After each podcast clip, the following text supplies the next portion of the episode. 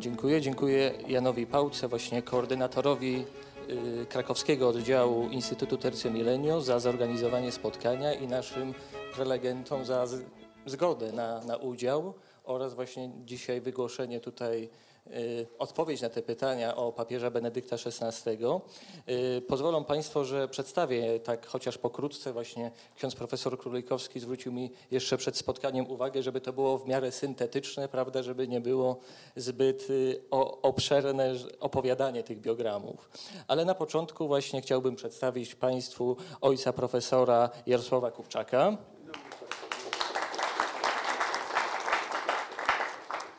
Ojciec jest członkiem zakonu kaznodziejskiego Dominikanów, między innymi wykładowcą y, Uniwersytetu Jana Pawła II tutaj w Krakowie, Uniwersytetu Papieskiego i Uniwersytetu Laterańskiego. Tak będę, że tak powiem, lekko skracał. Oczywiście wiemy, że jest więcej miejsc, gdzie... Oraz Angelikum, tak, tak, tak. Y, Będę lekko skracał. Y, Witam księdza profesora Janusza Królikowskiego.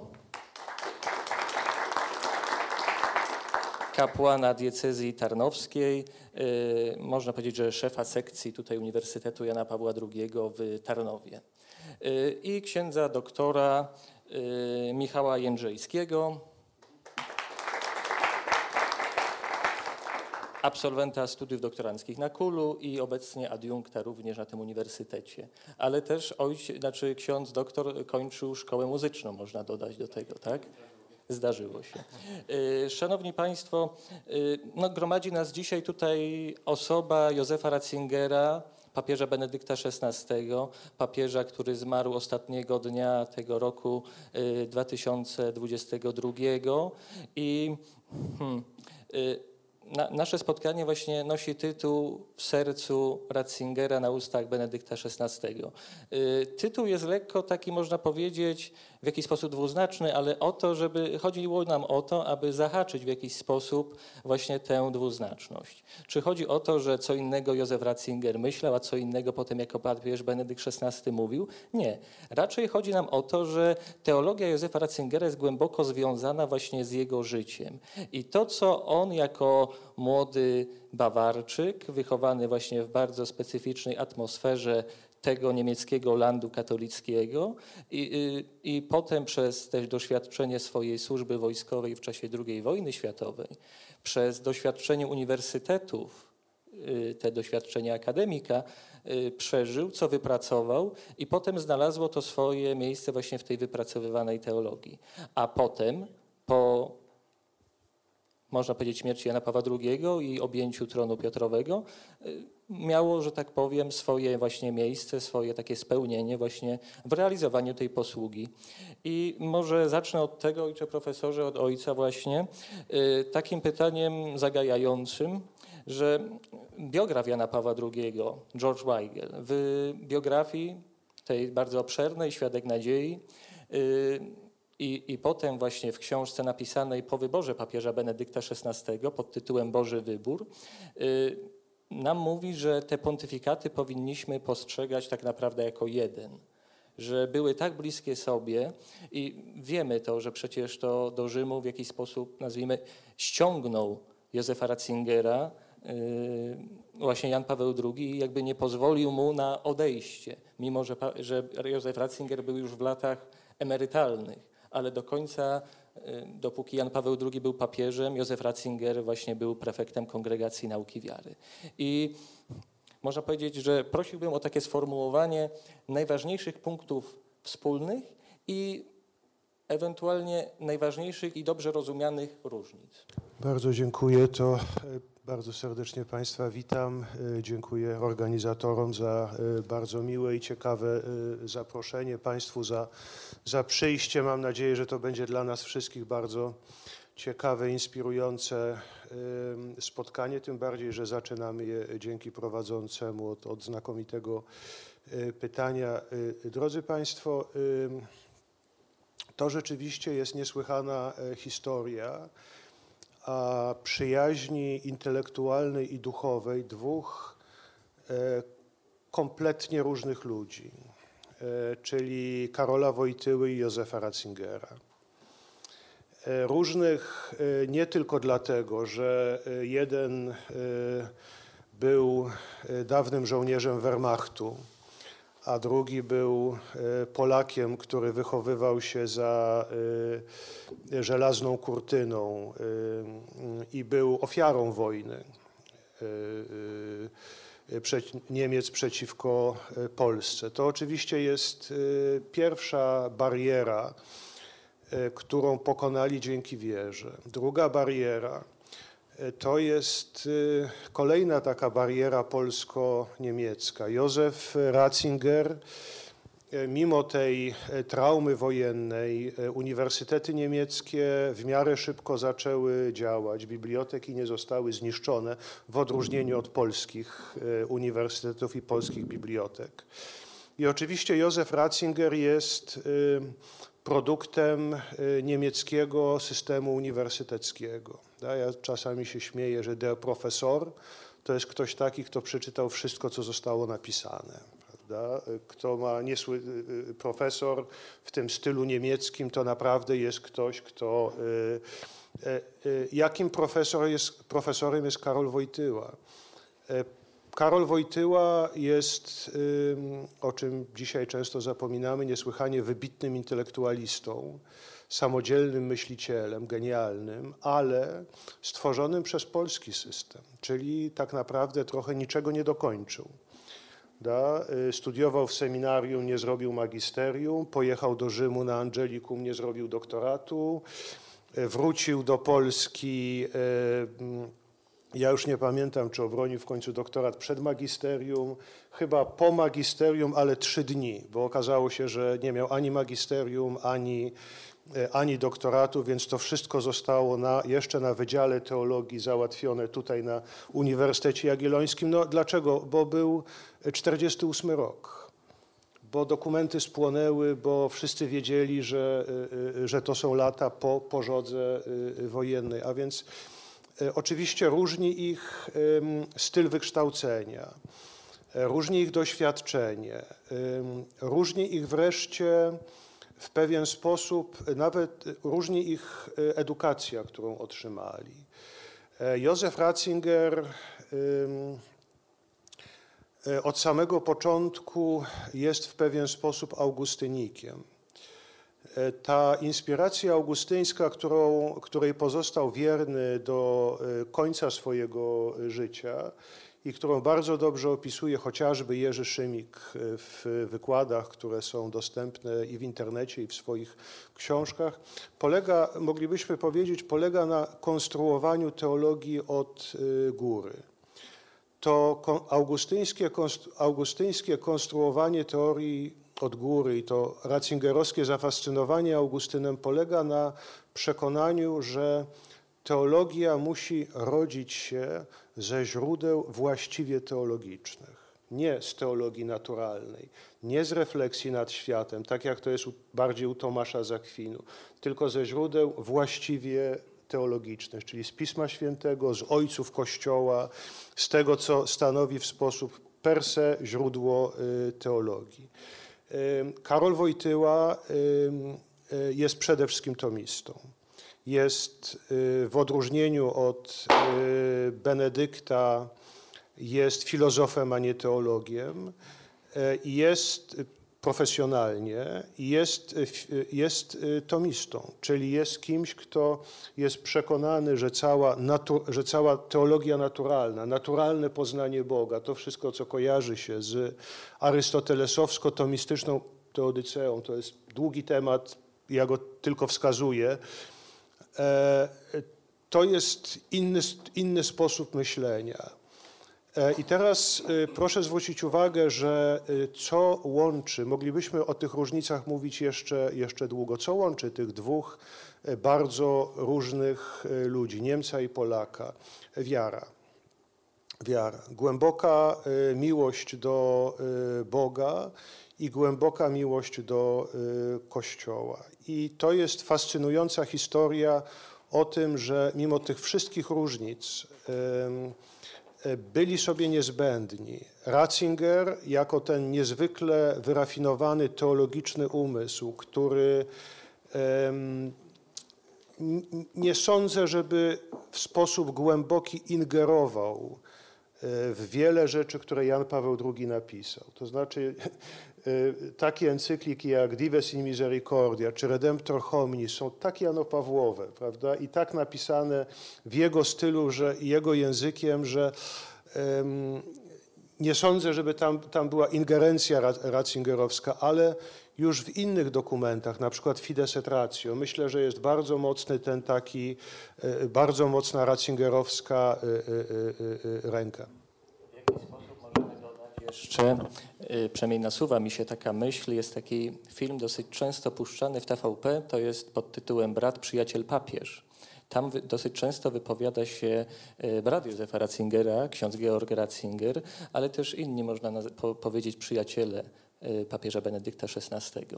I pojawia się tam arcybiskup Alfons Nossol i to jest tak na zakończenie tego filmu. I mówi pewne takie zdanie, że po papieżu Polaku przyszedł papież Niemiec i na taki luksus mógł tylko sobie Duch Święty pozwolić. To jest pewna taka konkluzja, że mówi, no Polacy by go na pewno nie wybrali, no dlatego, że jest Niemcem.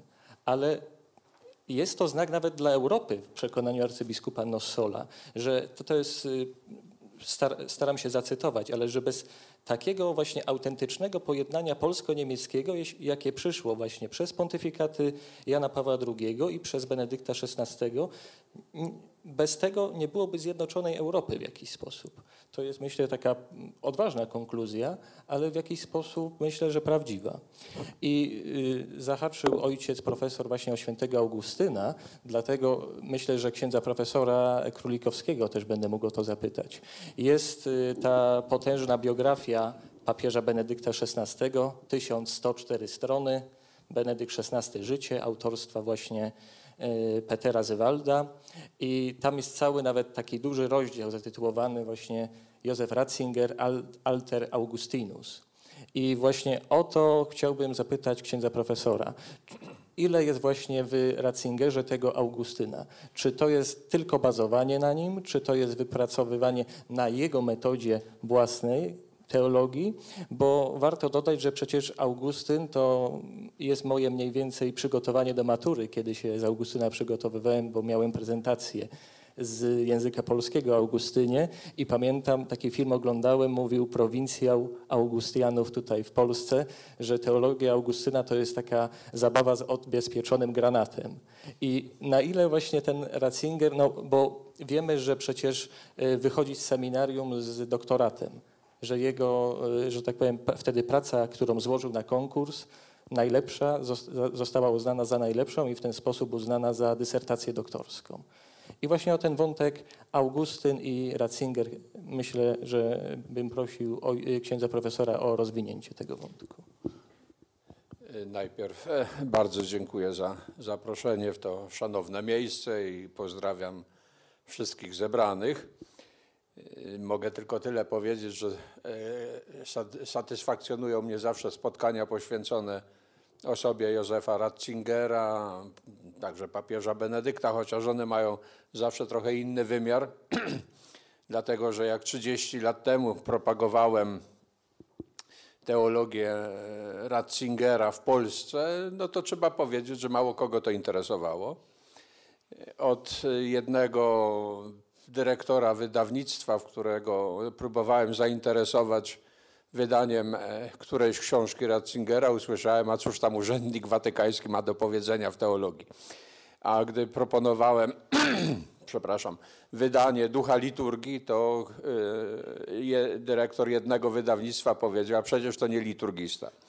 E, To są fakty, które może dobrze warto wiedzieć, że, że ta zmiana ona następowała y, y, stopniowo, chociaż w pewnym momencie bardzo dynamicznie, bo właśnie ten kontakt Jan Paweł II, y, kardynał Ratzinger stawał się coraz bardziej widoczny. Ale wracając do zasadniczego wątku, Oczywiście trzeba powiedzieć, Ratzinger interesuje się Augustynem od początku studiów. Jeśli szerzej popatrzymy, bo myślę, że warto o tym wiedzieć, w Niemczech ten okres y, zaraz po wojnie, on był w ogóle zdominowany świętym Augustynem. To nie jest tak, że e, Ratzinger młody chwycił e, Augustyna, którego gdzieś tam mógł poznać, na pewno mógł poznać, no bo w końcu był w niższym seminarium i jak udało mi się sprawdzić, wyznania świętego Augustyna były lekturą obowiązkową wtedy dla, dla tych uczniów, seminarzystów, małych seminarzystów, więc oni z tym się zetknęli, podobnie zresztą jak inne, inne dzieła, no takie antologie myśli Augustyna były wykorzystywane wówczas jako taki przewodnik formacyjny. Więc to nie jest tak, że za tym stoi jakieś, jakaś szczególna osobista determinacja, odkrycie. To był pewien nurt, wystarczy popatrzeć, ile w okresie powojennym zaraz e, powstało doktoratów o świętym Augustynie, to jest wszystko udokumentowane, to widzimy, że mniej, mniej więcej co, co trzeci dzień e, broniono w Niemczech doktorat poświęcony świętemu Augustynowi. I Także to jest e, rzecz, rzecz bardzo znamienna i dzieje się to mniej więcej jeszcze do połowy lat 50. To miało być takie antidotum na e, właśnie te rozmaite problemy, które pojawiły się w Niemczech w wyniku nazizmu, faszyzmu, wojny i tak bo Augustyn odpowiada na, w swoich dziełach na taki bardzo fundamentalny problem. Problem cierpienia, problem zła, problem grzechu, problem zbrodni i pokazuje także drogę odrodzenia, która idzie poprzez łaskę. To, co może uleczyć, ulepszyć człowieka, ta gracja sanans, łaska lecząca u świętego Augustyna, to jest kluczowy wątek. Więc to jest, y, Au- Augustyn wchodzi w życie y, młodego Ratzingera na zasadzie właśnie takiej, takiego ogólnego nurtu tej, tej myśli niemieckiej. Nie- Drugi bardzo ważny wątek jest, z którym zmagała się teologia niemiecka już wcześniej, w okresie międzywojennym, to był problem Kościoła, te nowe modele Kościoła. Czy model bardziej socjologiczno-historyczny, Kościół jako lud Boży, czy ten wątek bardziej mistyczny, ko Kościół jako ciało Chrystusa, jako świątynia Ducha Świętego, jako dom Boży, u, zaproponowanej pracy Ratzingerowi ten wątek oczywiście się odzwierciedla i trzeba powiedzieć, że mm, no tutaj dobry promotor miał e, duży wpływ podsuwając temat, przy czym no, trzeba powiedzieć, że Ratzinger niewątpliwie podszedł do niego w sposób taki e, niewątpliwie oryginalny, stawiając problem eklezjologiczny szeroko, właśnie tego ludu Bożego, domu Bożego, e, państwa Bożego, co potem ukierunkowało go na, na, ca, na całe życie. Ja myślę, że właśnie tutaj ten wątek eklezjologiczny, on tam się pośrednio pojawia w doktoracie Ratzingera, to jest miejsce Kościoła w odbudowaniu nowego społeczeństwa. To jest to, co go e, interesowało, co w Niemczech było takim palącym problemem. Oczywiście do tego dochodzą te wątki osobiste, które potem możemy powiedzieć, e, Ratzinger rozwija w, tym, w tych rozmaitych konferencjach, które później głosi, które są takim jakby no, pozostałością tych przemyśleń, które on dokonał właśnie w trakcie doktoratu, czy jakby jak na przykład ta kwestia y, pojęcie confessio y, w wyznaniach świętego Augustyna, pojęcie ofiary u świętego Augustyna, więc te wątki takie augustyńskie ciągle się pojawiają, łącznie też z kwestią tam, e, która potem e, jakoś się tam odzwierciedli, to będzie właśnie działanie Boga w historii, co przejdzie potem do tej habilitacji na temat świętego Bonaventury, u którego e, możemy powiedzieć, jest to trochę proś, prościej ujęte jak u świętego Augustyna, bo, bo ta, ta, ta wizja historii, dziejów i miejsca Boga w dziejach, Jego działania, no to jest e, temat e, wiodący u świętego Augustyna. Jeśli można by pewne rzeczy powiedzieć, e, niewątpliwie dochodzą do tego także takie pewne osobiste doświadczenia. Tutaj ojciec ładnie to powiedział, mówiąc o, o tym, tych różnicach, podobieństwach z Benedyktem, łagodnie taką pewną kwestię stwier- stwierdził, właśnie ten, ten wątek e, teologii naturalnej, pewnego racjonalizmu, który za tym się kryje. No ja osobiście uważam, że, że Ratzinger był większym racjonalistą jak Jan Paweł II, mimo że on tam tę neoscholastykę gnębił e, potem do końca niemalże. A więc tam, tam jest ten wątek taki racjonalistyczny. Ostatnio czytałem jego kwestię o przeistoczeniu. No toż to czysty racjonalizm. Tam są wszystkie problemy rozwiązane w, te, w tej 11 konferen- 11-stronicowej konferencji. Y, Więc y, ten wątek jest. Y, Myślę, że jest to doświadczenie osobiste. Ratzinger pod wpływem wojny i tych doświadczeń, on do końca zmagał się z problemem, z problemem zła. Dokładnie tak jak święty Augustyn, który, tylko że Augustyn wyszedł od manicheizmu, który go wciągnął, natomiast Ratzinger miał ten problem zła zakodowany przez to, e, przez faszyzm, przez wojnę, przez pozostałości wojny, bo on doskonale widział pewne problemy, które wojna wywołała w społeczeństwie niemieckim to była ta zbieżność taka, rozwiązać ten, ten problem zła, jego osobiste doświadczenie, y, wyniesione z wojny, wyniesione z tego pierwszego okresu, może nawet powojennego jeszcze, no i dać na to, na to odpowiedź, bo wystarczy sięgnąć, proszę Państwa, do takich kazań, które Ratzinger jeszcze wygłosił przy okazji tych rozmaitych rocznic niemieckich, na tych niemieckich cmentarzach po I, po II wojnie światowej, no to ja tam widzę ten, ten jego do końca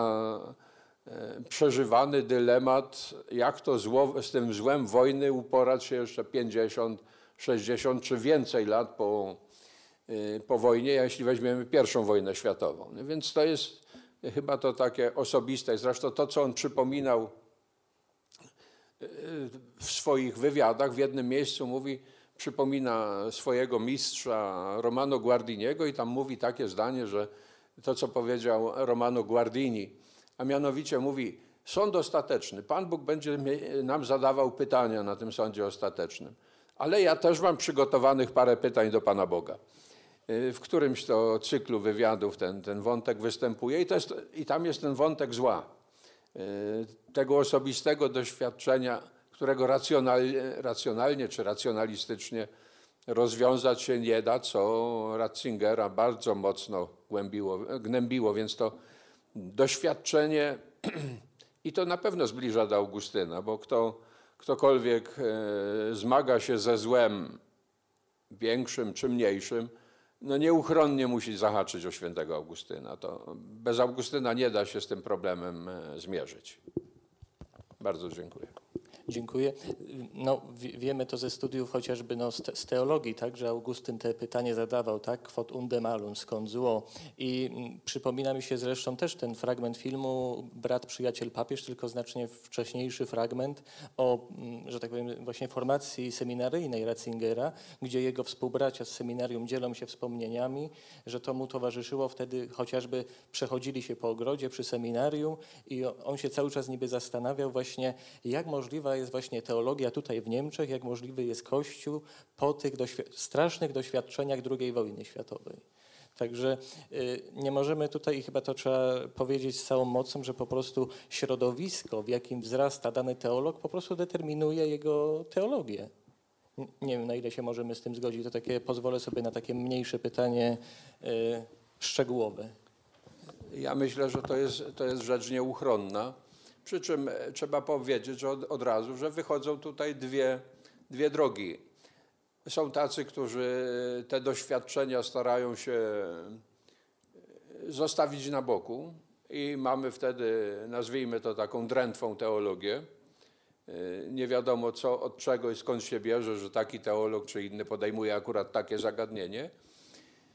I widać to w drugim nurcie teologicznym, zwłaszcza niemieckim, bo Niemcy mają szczęście w teologii takie, że e, oni, może to też jest takie augustyńskie, nie boją się w teologii używać słowa ja, piszący, mówiący, e, odniesienie do, do doświadczenia wewnętrznego. My mamy odniesienie do przypisów. do takiego czy innego, czy innego autora. Natomiast, natomiast w Niemczech proszę zobaczyć, że u Ranera, u Ratzingera wstęp najczęściej jest poświęcony jakiemuś osobistemu doświadczeniu. Czasami bardzo subiektywnego, czasami nie tylko subiektywnemu, tylko eklezjalnemu. I w odniesieniu do tego potem jest, jest robiona, robiona analiza. I ta teologia siłą rzeczy wtedy staje się żywa, bo ona jest odpowiedzią na konkretne pytania, bo w końcu te same doświadczenia, czy wiele z naszych doświadczeń, no jest wspólnych nam. Ojciec profesor zdaje się, że chciał Może, też może jedna uwaga. y, y, y, Nie, nie, zgodzi, wie pan, nie użyłbym słowa, że determinuje, że, że, że to skąd pochodzi dany teolog determinuje styl e, uprawiania teologii. Raczej bym użył określenia, że w jakiś sposób.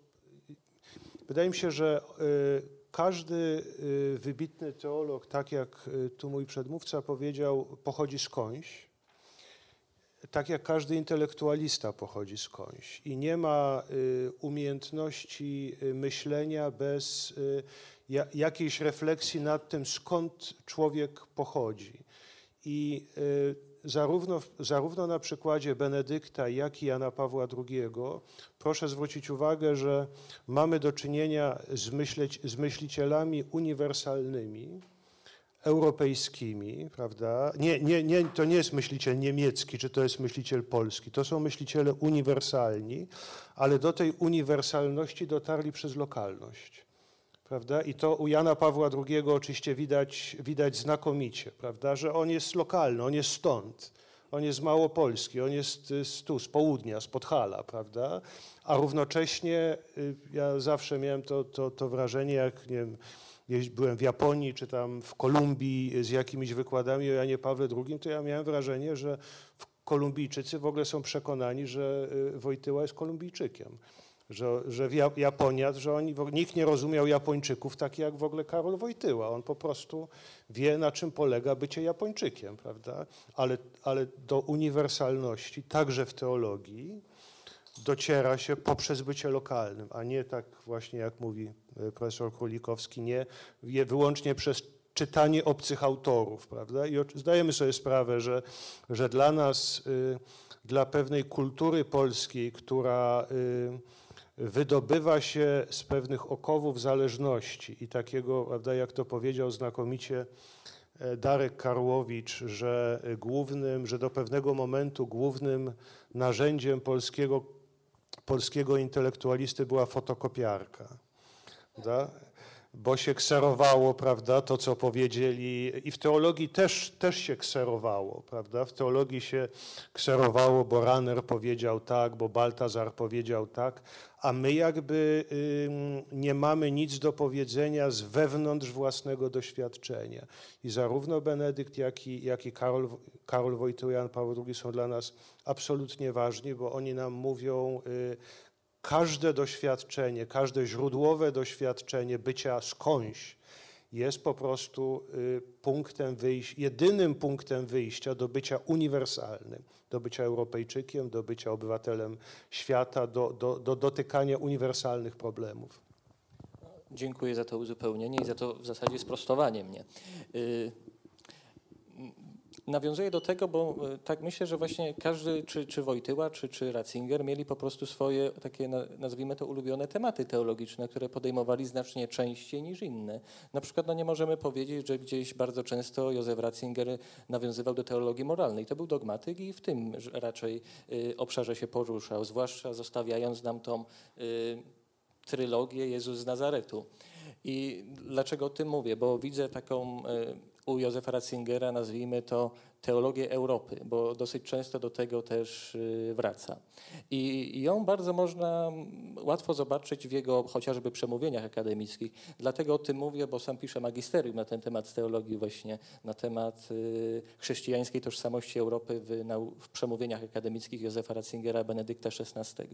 I ten wątek m, też pojawia się na gruncie nowej ewangelizacji. I tutaj chciałem zapytać księdza doktora, y, bo przeglądając tą y, księdza książkę, która otrzymała, można tutaj powiedzieć, też nagrodę Feniks właśnie od wydawców katolickich, to jest księdza doktorat tak, o nowej ewangelizacji y, i u, właśnie u papieża Benedykta XVI.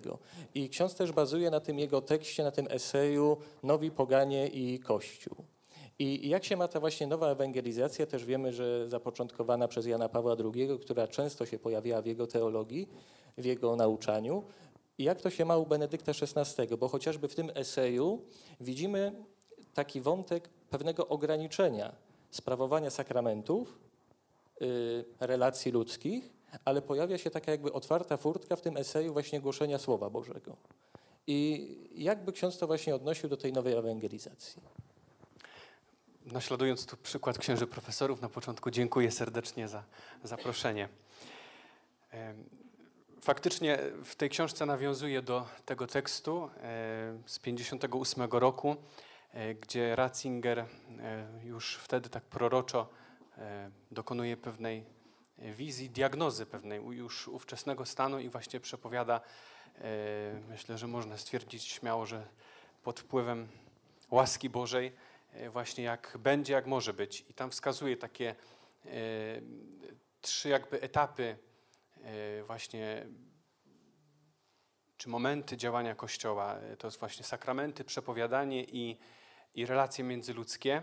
E, I tam e, mówi e, na pewno nie o tym, żeby komuś odmawiać sakramentów, bo żeby też to dobrze zrozumieć, że to nie znaczy, że komuś, kto chce przystąpić e, e, do sakramentów, chcemy mu ich odmówić, e, ale nawiązuje tutaj do, jak tam pisze, do pewnej dyscypliny przystępowania do sakramentów w starożytności, w początkach Kościoła, e, do Eucharystii, e, a to wszystko czemuś służyło, po to, żeby człowiek lepiej zrozumiał i wierzył, czym jest na przykład Eucharystia e, i na pewnym etapie ją przyjmował, tym lepiej ją przyjmował niż może gdyby to było wcześniej, E, że tutaj potrzeba e, pewnej właśnie może powrócenia do pewnej dyscypliny, czy, czy realizowania tej, która jest znana właśnie, e, przystępowania do sakramentów, e, może właśnie nie od razu, ale pewne warunki, które Kościół nam zawsze przedstawia, czy choćby e, warunki dobrej spowiedzi świętej.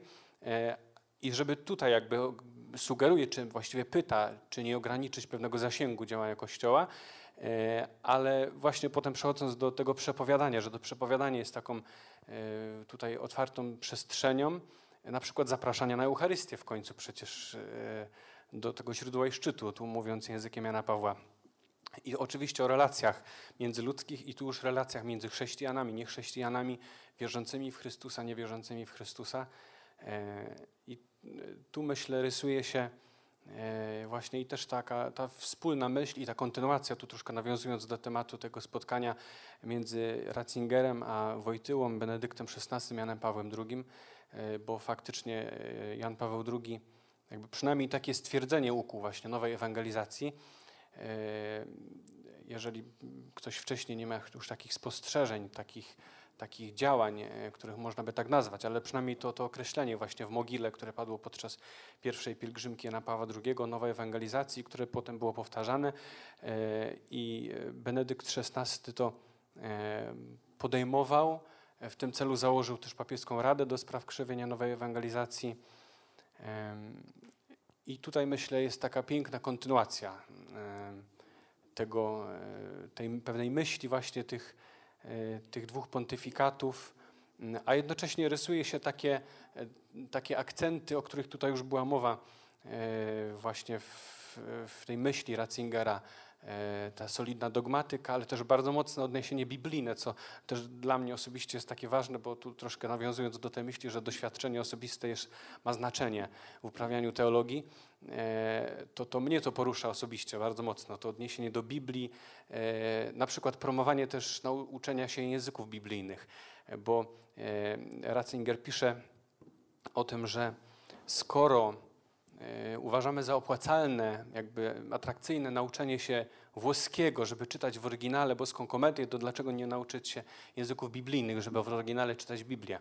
albo e, pisze, że dzisiaj można zostać doktorem teologii bez znajomości języków biblijnych, e, hebrajskiego, czy nie mówiąc już o Grece. Są, są takie słowa jego. I to jest motywujące e, i to, to tak inspiruje i, to jest takie, myślę, połączenie tej solidnej naukowości, racjonalności, o której tutaj była mowa, dogmatyki, z takim podejściem e, właśnie duszpasterskim, bo mm, uważam, że to jest właśnie i powtórzę, nie będąc oryginalnym, świetny naukowiec i świetny duszpasterz. E, Ratzinger, już Ratzinger, zanim został Benedyktem XVI i potem tym bardziej w czasie pontyfikatu. To można powiedzieć, że ksiądz to zaimple- zaimplementował w swoim życiu, bo z tego co wiem, to ksiądz właśnie skończył na Wydziale Teologicznym KUL taki kurs języków biblijnych. Tak, tak. No, na pewno jakoś myśl była wcześniej znacznie, e, ale, ale to nie ukrywam, że, że tutaj te wspomniane cytaty Ratzingera to były też, można powiedzieć, rozstrzygające. Dziękuję. Y, Ojcze profesorze, tu już było właśnie pytanie o Augustyna, a teraz chciałbym temat ugryźć jeszcze z drugiej strony, bo po, pojawiła się postać właśnie doktora Anielskiego, świętego Tomasza z Akwinu i y, pojawia się taki fragment w autobiografii Józefa Ratzingera pod tytułem Moje życie, gdzie pisze właśnie o swo- etapie swoich studiów akademickich, że właśnie podjął taki dialog z Augustynem, że ta teologia wydawała mu się bardzo taka egzystencjalna, blisko doświadczenia życiowego. Natomiast pojawia się taki cytat, że teologia Tomasza zdawała mi się zbyt kryształowa, zbyt uporządkowana, że to, troszkę oderwana od życia.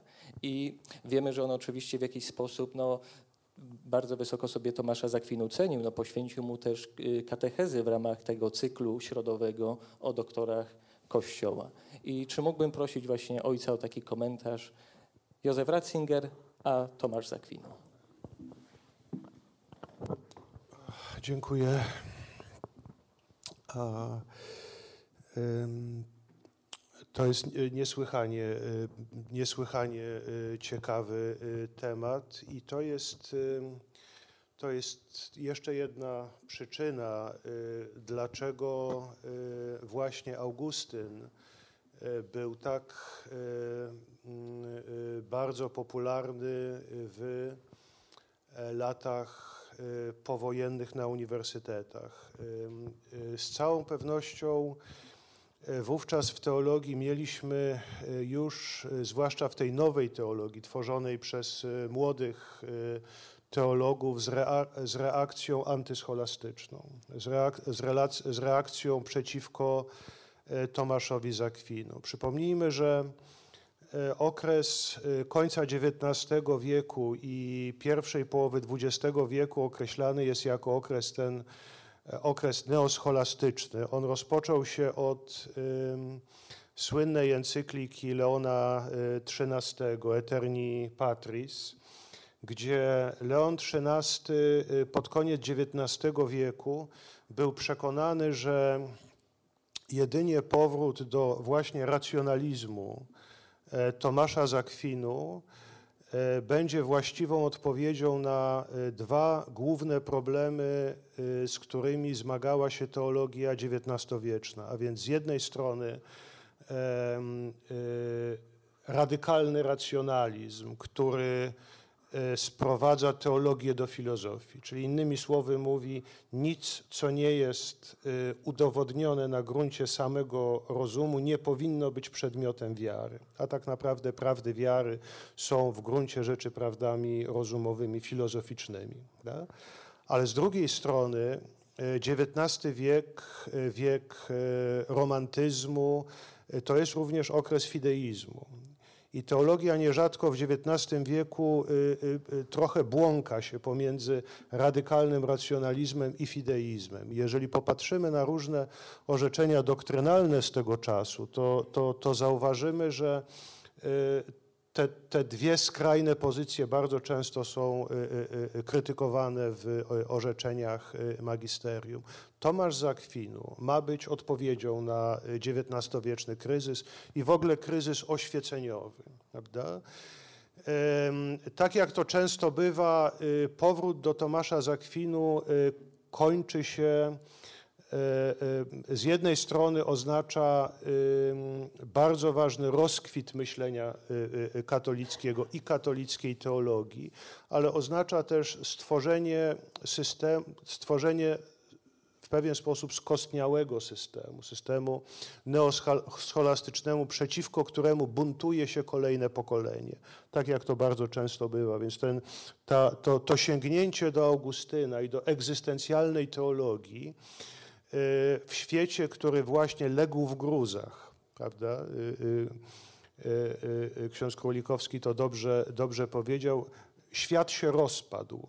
Ten świat, który wydawało się jest światem y, harmonijnej kooperacji rozumu i wiary, tak jak to jest u Tomasza z Akwinu, prawda? Kościół współpracuje ze społeczeństwem w budowaniu y, civitas dei, prawda? Y, Nagle, nagle się okazuje, że to, wszystko, że to wszystko się skończyło. Trzeba zaczynać całkowicie od nowa. Y, To całkowicie od nowa to nie jest Tomasz z Akwinu, to jest, y, to jest święty Augustyn.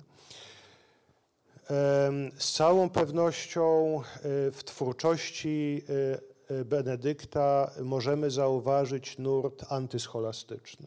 tak? Y, Nurt ym, y, oporu wobec scholastyki i, wo, i wobec Tomasza z Akwinu. To oczywiście nie jest tak. Benedykt XVI jest wybitnym teologiem. On nie odrzuca Tomasza z Akwinu.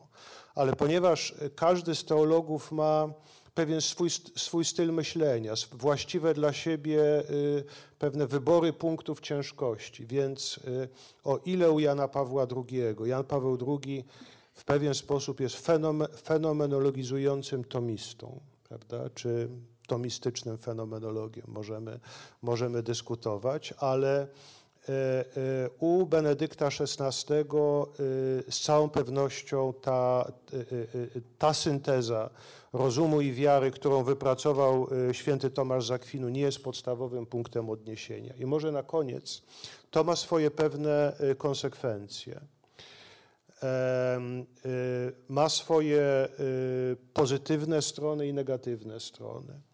Pozytywne strony, do pozytywnych stron zaliczyłbym to, o czym tu już, o, o czym tu już była mowa, czyli próba budowania teologicznej teologii. Przez teologiczną teologię rozumiem teologię, która w pewien sposób nie jest skażona kompromisem, czy właśnie jakimś takim y,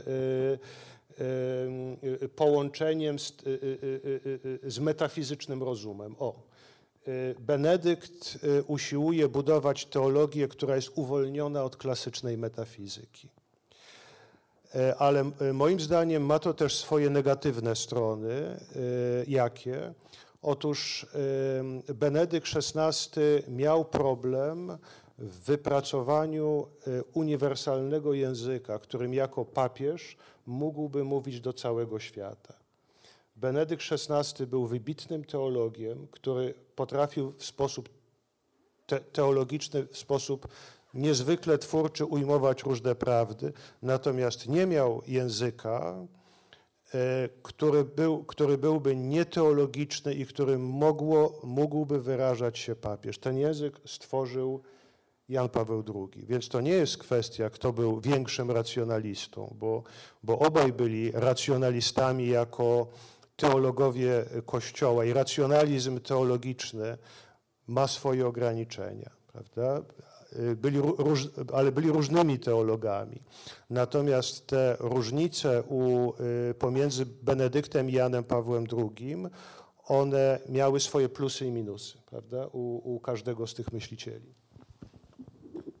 Ksiądz profesor Kulikowski chciałby tutaj dodać. Mo- Może dwa, dwa słówka do powiedzenia. Po pierwsze, y, problem jest taki, że młody Ratzinger i później myślę, że u niego to zostało, był dziedzicem właśnie tego podejścia czy spojrzenia na świętego Tomasza w świetle tej neoscholastyki, czyli przede wszystkim widzenie świętego Tomasza w perspektywie jego filozofii, nie jego teologii.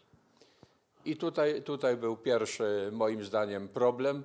Zresztą u mnie w seminarium, czy do dzisiaj z tym walczę, w seminarium tarnowskim, to, że jak przychodzi uroczystość świętego Tomasza, od niepamiętnych czasów, z wyjątkiem mojego wystąpienia kiedyś, gdy, gdy prelegent, który miał głosić, zachorował, y, więc nie byłem poproszony tak z drogi, tylko tak awaryjnie dzień przed. Y, Miałem wystąpienie o teologii świętego Tomasza, natomiast zawsze akademie poświęcone świętemu Tomaszowi są Tomaszowi jako filozofowi. To jest typowe, co wynika z Eterni Patris, potem Piusa XI, Studiorum Ducem i, i innych encyklik. Y, Więc on był moim zdaniem, y, to co jest w moim życiu, pisze Ratzinger, to było takie uprzedzenie, które z tego wynikało, bo, bo chodziło o filozofię jako narzędzie tomistyczną, jako narzędzie komunikowania się ze światem nowożytnym. Natomiast druga rzecz to jest ta y, krytyk, pójście za świętym Augustynem. Co prawda nie znalazłem w pismach świętego przepraszam, nie świętego jeszcze, e, Józefa Ratzingera, czy, czy w, jego, w jego pismach e, nawiązania, ale e, jego krytyka, czy opowiedzenie się za świętym Augustynem jest bardzo bliskie takiemu artykułowi, te, czy dłu, takiej dużemu artykułowi Gilsona, który pisał, dlaczego święty Tomasz krytykował świętego Augustyna. I, wiele wątków, to by zasługiwało na osobną pracę nawet, żeby to porównać. Y, Przypuszczam, że, że większa część krytyki y, pod adresem świętego Tomasza, czy bardziej neoscholastyki w przypadku Ratzingera, opiera się właśnie na tym, na tym właśnie artykule Gilsona i tych punktach wyznaczonej pewnej takiej wyższości świętego Augustyna w stosunku do, do świętego Tomasza, a może nie Tomasza, tylko neoscholastyki, bo to trzeba rozróżnić. Neoscholastyka z Tomaszem miała często niewiele wspólnego. Tak, dziękuję. Y, Właśnie drugie pytanie w tej, że tak powiem, w tej kolejce właśnie też chciałbym skierować do księdza profesora.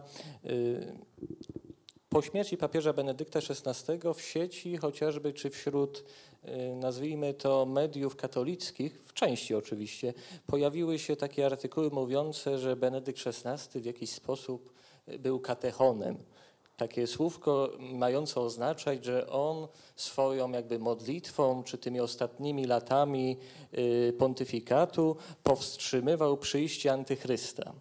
I chciałem zapytać księdza profesora, jak te publikacje, nazwijmy to w internecie, mają się do tej prawdy wiary o jedynym, znaczy posługiwaniu zbawczym Jezusa Chrystusa, Syna Bożego.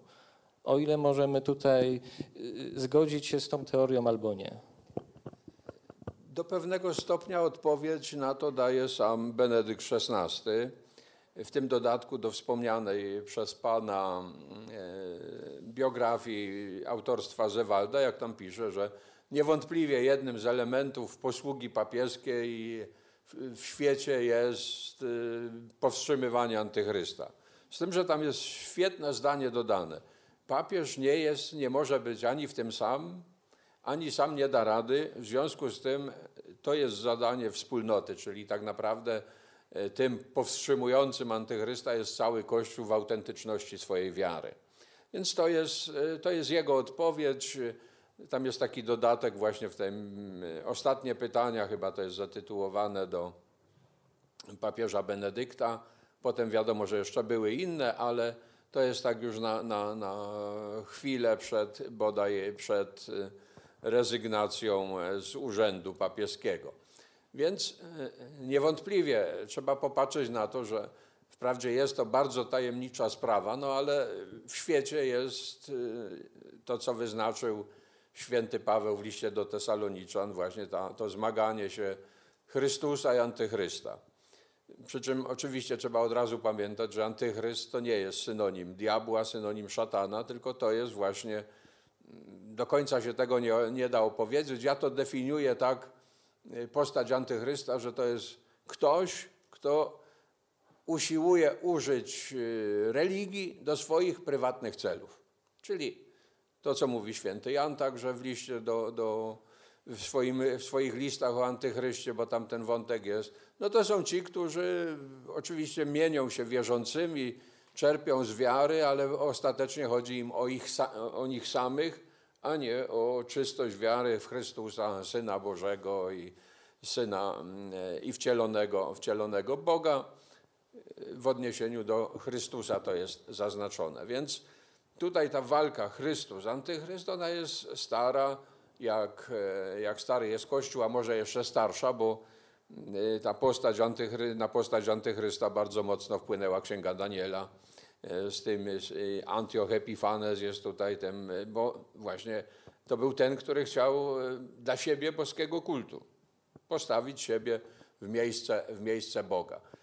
I w różnych epokach ta postać e, antychrysta różnie się pojawia, różnie się przejawia. No dzisiaj mamy e, mnóstwo literatury poświęconej antychrystowi. Jedni ją widzą w, w kościele, na przykład Terlikowski, inni ją widzą w papieżu Franciszku, postać antychrysta. Jeszcze inni będą widzieć w, w, takiej, w takim czy innym nurcie życia kościelnego.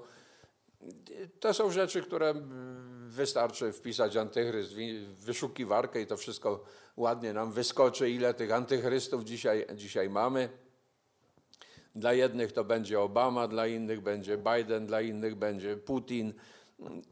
Chociaż tutaj coś jest w tym. E, To tak zaznaczę. Tak jak bolszewizm, zresztą w okresie międzywojennym nawet Rostworowski napisał taki dramat Antychryst, który, który był, widziano rewolucję bolszewicką jako, jako ten e, ob, wcielenie, wcielenie antychrysta.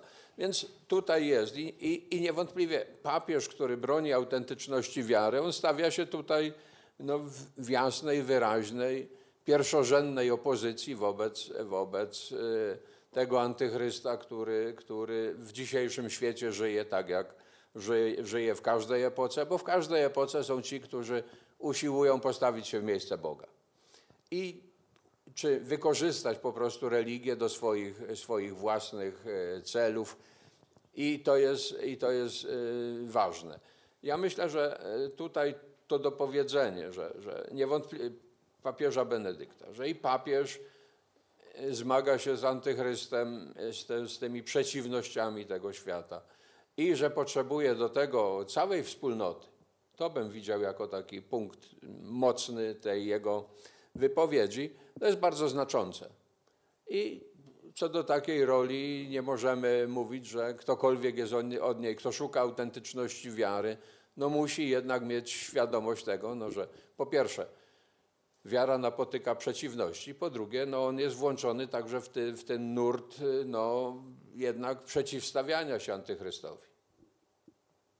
Tak bym to próbował widzieć, widząc oczywiście całą złożoność postaci antychrysta, bo, bo to nie jest tak, że to da się zakwalifikować i powiedzieć, wskazać po prostu palcem, o, ten to jest, e, to jest antychryst, bo to jest, e, mamy w, liście do Tesaloniczan, że jest to i postać, i pewna siła taka polityczno-historyczna, która za tym, za tym idzie.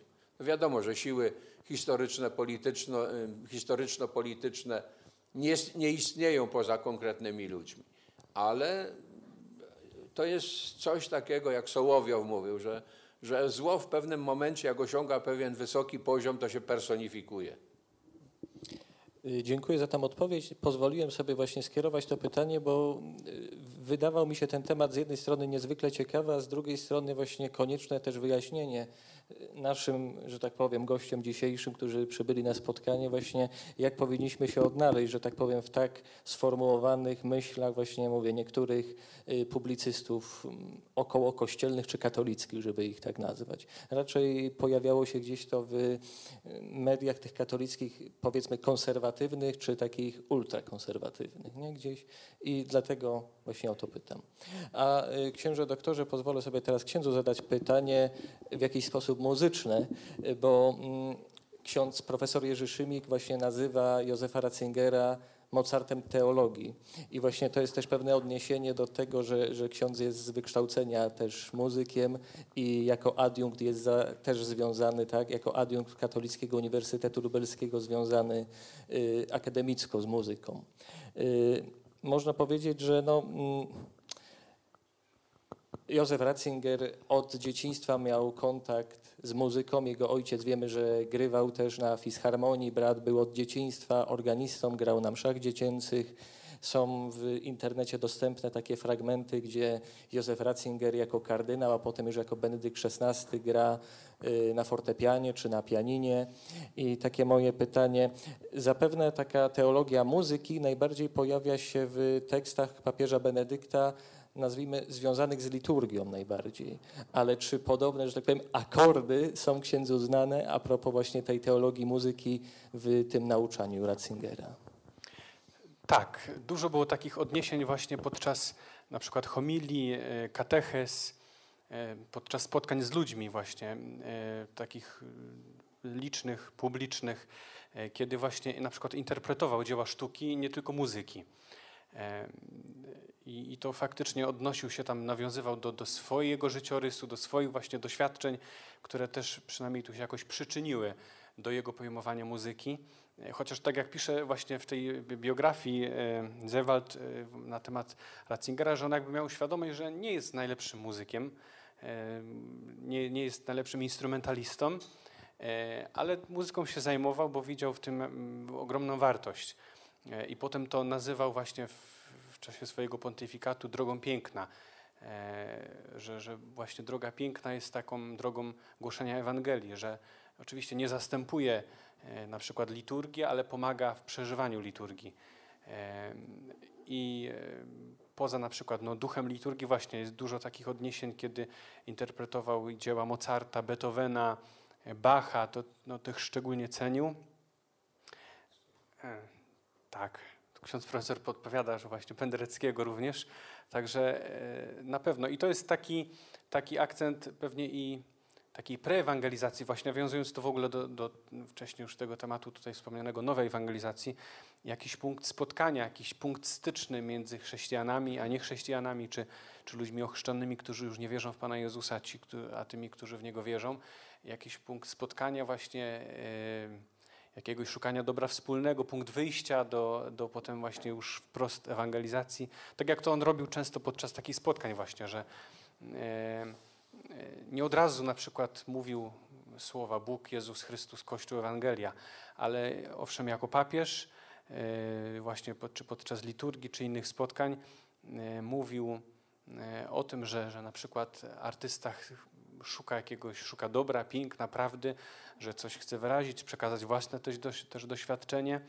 Jakby miał, wy, wykazywał taką świadomość też, e, że ci, którzy uczestniczą w takich spotkaniach powiedzmy artystycznych, nie wszyscy wierzą w Pana Jezusa, czy, czy wykonawcy muzyki e, na temat na przykład Chrystusa, Ewangelii, to niekoniecznie chrześcijanie, E, ale jakby wykorzystywał to, że już są, a to już jest duża obecność, i teraz jakiś punkt wyjścia z całym uszanowaniem, tą swoją taką delikatnością, e, poszanowaniem człowieka właśnie wychodził od tego punktu. Sztuki, piękna, co jest takie wspólne dla każdego człowieka, właśnie, e, bo człowiek jest jakby podatny na takie słowa, dobro, prawda, piękno, miłość. E, i tu już jest jakiś, jakiś punkt szukania. Na przykład jest taka jego interpretacja finału dziewiątej symfonii Beethovena i e, tej ody i, i on tam analizuje to, że to jest jakiś wyraz szukania takiego powszechnego braterstwa, e, jakaś deklaracja pokoju, ale jednocześnie potem tam przechodzi do tego, że mimo tych deklaracji, mimo takich powiedzmy pobożnych życzeń, człowiek nadal cierpi, nadal jest zło, e, więc jakby ta, ta isk, nie ma tej iskry bogów e, z pól elizejskich, że to nie zbawia człowieka, że zbawić może i on przechodzi ostatecznie jedyny prawdziwy Bóg. E, Ale on to właśnie cały proces u niego takiej prewangelizacji, wyjścia od jakichś tematów e, wspólnych, takich uniwersalnych właśnie, żeby potem podprowadzić człowieka tak bardzo subtelnie, delikatnie, aż do tematu Chrystusa, Kościoła, wreszcie nawrócenia i decyzji człowieka.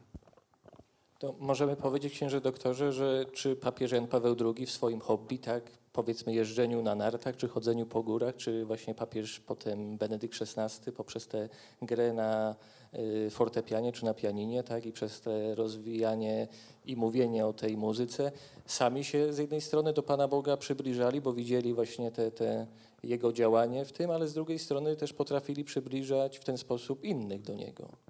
Tak, na pewno. Zresztą Jan Paweł II napisał list do artystów, e, w którym wyjaśniał ich e, rolę i jakby zachęcał do tego, żeby tak e, odczytywać proroczo sztukę i jakby czuć taką odpowiedzialność artysty za to, co robi. No i oczywiście to potem robi, robi Ratzinger. Też w tej biografii jest tam opisany taki moment z dzieciństwa właśnie braci Ratzingerów, gdzie był ten zwyczaj w Bawarii pisania listów do dzieciątka Jezus na Boże Narodzenie i tam jest o tym właśnie, że obydwaj prosili e, o, o, o szaty liturgiczne, ale też e, mm, czy, czy o, o mszał, ale właśnie to Georg prosił dzieciątko Jezus o nuty. E, To, to, to było jego życzenie, ale, ale brat właśnie Józef też to, też u niego jest to zamiłowanie widoczne i potem tym się dzielił z pewnością. Dziękuję.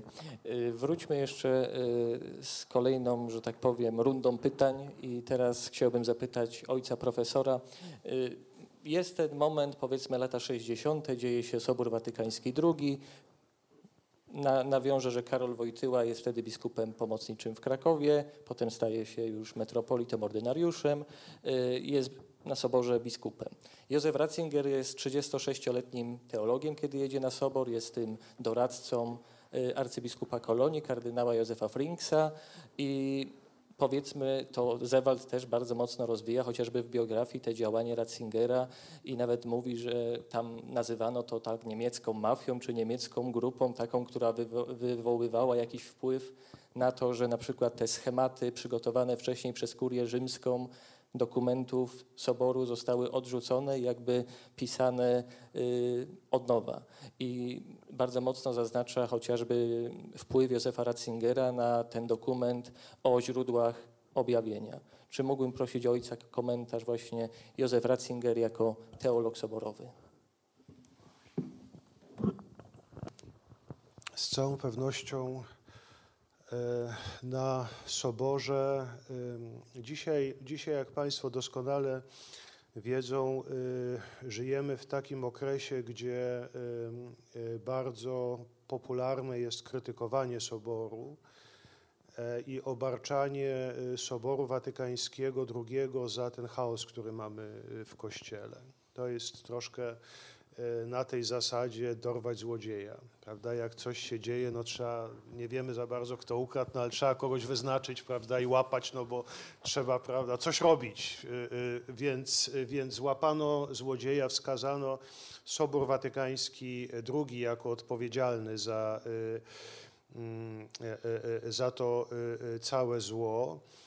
Wydaje mi się, że mm, jest to kolosalny błąd i my wszyscy, także w tej dyskusji, którą tutaj mamy, e, jesteśmy dziećmi Soboru, więc my trochę jesteśmy takimi nastolatkami, którzy krytykują własnych rodziców, bo nastolatkowie zawsze krytykują własnych rodziców, zawsze coś się im nie podoba. Dopiero jak są starsi, to potrafią docenić, ile od tych rodziców otrzymali, prawda? I mówią, no nie, no w końcu nie byli jednak tacy źli, ale trzeba przejść przez, e, przez okres e, buntu. To nie oznacza, żeby, y, że należy powiedzieć, że y, wszystkie dokumenty w y, y, Soboru Watykańskiego II są znakomite, że e, zresztą Józef Ratzinger, jak y, prześledzimy jego pisma, często krytykuje dokumenty Sobo- Soboru Watykańskiego II, mówi, mówi wypowiada krytyczne zdanie i na temat interpretacji na przykład Konstytucji o Kościele, jak i też Konstytucji o Kościele w świecie współczesnym, prawda, mówiąc o niejasnościach tych dokumentów. To jest e, e, e, Pana pytanie y, dotyka niezwykle drażliwego y, y, i- ważnego momentu, ponieważ wydaje mi się, że to jest najgłębszy najgłębsze źródło jedności pomiędzy tymi dwoma pontyfikatami, Jana Pawła II i Benedykta XVI. I wracając do Pana pierwszego pytania, to jest ostateczna przyczyna, dlaczego powinniśmy te pontyfikaty y, czytać razem. To byli ostatni papieże, y, którzy uczestniczyli w Soborze y, Watykańskim II e, i w pewien sposób świadomie uczynili ze swoich pontyfikatów i ze wszystkiego, co pisali, e, e, e, pewien, pewne medium interpretacji Soboru Watykańskiego II. Ja oczywiście, kiedy e, część mojej formacji kapłańskiej, formacji teologicznej przypadała podczas pontyfikatu Jana Pawła II i byłem wściekły, dlaczego on tak dużo pisze. Że, że ciągle, że ja miałem mnóstwo ciekawych tematów do podjęcia, a tu ciągle są jakieś nowe encykliki, nowe dokumenty y, y, y, papieskie. Teraz to rozumiem już. Dlatego, że Jana Pawła II nie ma, a te dokumenty zostały. I warto popatrzeć na ten cały dorobek i Jana Pawła II i Benedykta XVI jako na komentarz do Soboru Watykańskiego II, jako próbę stworzenia pewnej y, mądrej interpretacji Soboru Watykańskiego II w sytuacji, kiedy nadal kłócimy się co do tego, co tak naprawdę Sobór powiedział. Mamy autentyczną interpretację Soboru od strony dwóch osób, które w, ty, które w nim uczestniczyły. I teraz y, one uczestniczyły w tym soborze na y, bardzo, w bardzo różny sposób, nie tylko od strony swojej funkcji, tak jak pan słusznie y, zauważył. Karol Wojtyła był ojcem soborowym.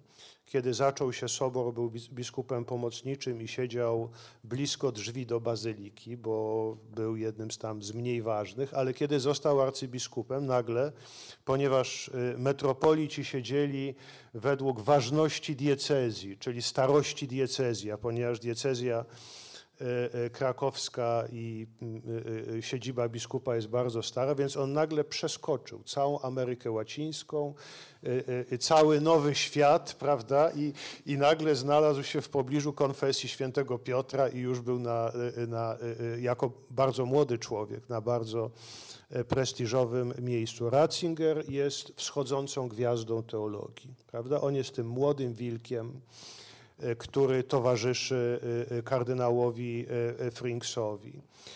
E, Ratzinger e, tworzy nową teologię, prawda? To, o czym już tutaj mówiliśmy, Ratzinger tworzy razem z e, tymi ośrodkami, y, y, y, y, unikając znowu konspiracyjnego języka i takiego militarnego języka, prawda? Mafia, przestępcy. Nie. Trzon teologów Soboru Watykańskiego II to, były, to byli teologowie ze starej Europy. No bo skąd mieli być? Prawda? To, y, y, najwybitniejszymi teologami byli teologowie francuscy, niemieccy, holenderscy, belgijscy, y, włoscy, kropka. Prawda? I cały szereg właśnie takich y, ciekawych osób, y, znakomity y, John Cartney Mary ze Stanów Zjednoczonych i bardzo mocna rola episkopatu amerykańskiego, zwłaszcza jeżeli chodzi o deklarację o wolności religijnej, trochę tych kontrybucji ze strony Nowego Świata, ale jednak nie mafia. Prostu ci, którzy zrobili gro ciężkiej pracy na Soborze, to byli teologowie ze starej Europy. I teraz tak, nie ulega wątpliwości, moi drodzy, że Sobór Watykański II stworzył nową teologię.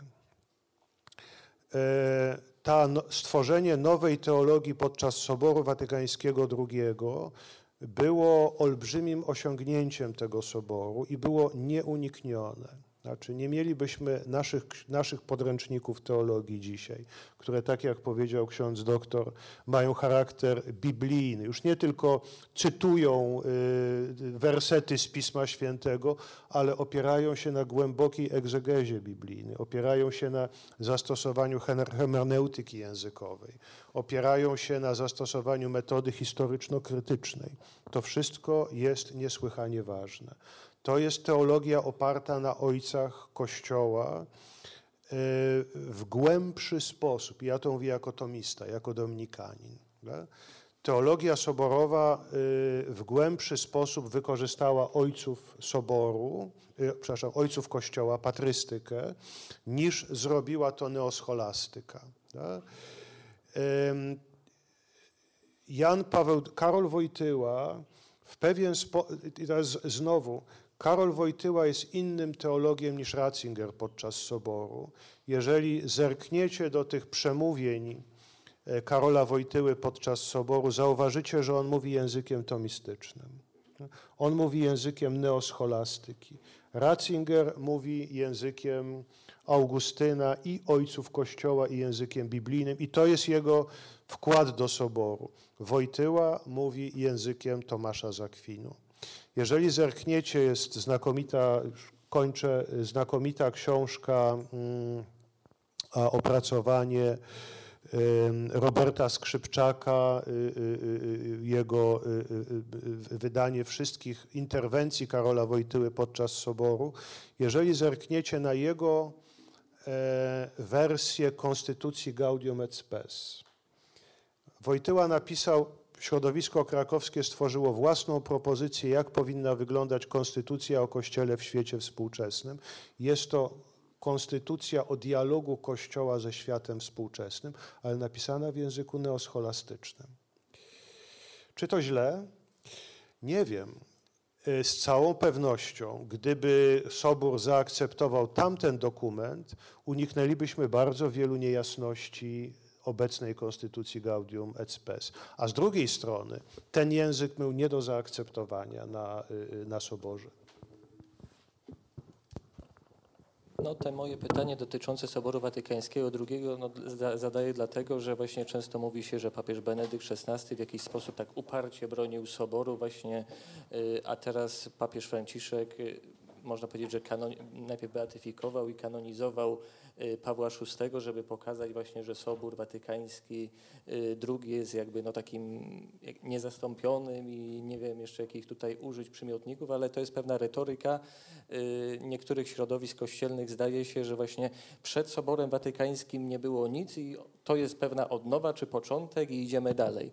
A Benedykt XVI tutaj mówi o tej hermeneutyce ciągłości, a nie hermeneutyce zerwania. I o to chciałem jeszcze jako pytanie pomocnicze do tego tematu zapytać, że pokazuje nam, że te teksty Soboru Watykańskiego II nie powinniśmy traktować jako osobnych bytów oderwanych od historii Kościoła, ale czytać je właśnie z tradycją, bo myślę, że tradycja to jest jeden z takich, jakbyśmy powiedzieli, z czym nam się kojarzy teologia Benedykta XVI, Józefa Ratzingera, to w tych słowach kluczowych, jakbyśmy pisali jakiś tekst naukowy, to na pewno by się to słowo znalazło.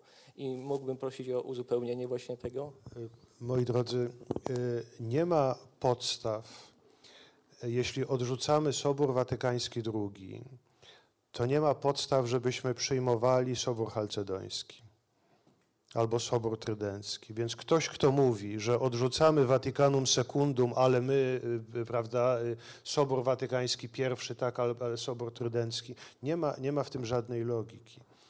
Wszystkie sobory, jeżeli wszystkie sobory na tej samej zasadzie były soborami y, Kościoła, y, moż, y, natomiast to jest punkt pierwszy. Punkt drugi dotyczy tych płycizn, o których y, Pan y, y, mówił, w którym moje pokolenie teologów uczestniczyło. Otóż ja, kiedy w latach 80. byłem w wieku części tutaj z Państwa obecnych na, na, na, na sali i studi- studiowałem, byłem w programie magisterskim. Otóż my, jako młodzi klerycy dominikańscy tutaj na Stolarskiej w Krakowie, my mniej, mniej- więcej mieliśmy taki obraz y, ym, y, teologii. Y, Ksiądz profesor Napiórkowski na pewno już jako kleryk był dojrzałym teologiem, więc to do, do, do niego się nie stosuje. Natomiast u nas mniej więcej, y, y, y, y, mniej więcej panowała y, taka oto wizja.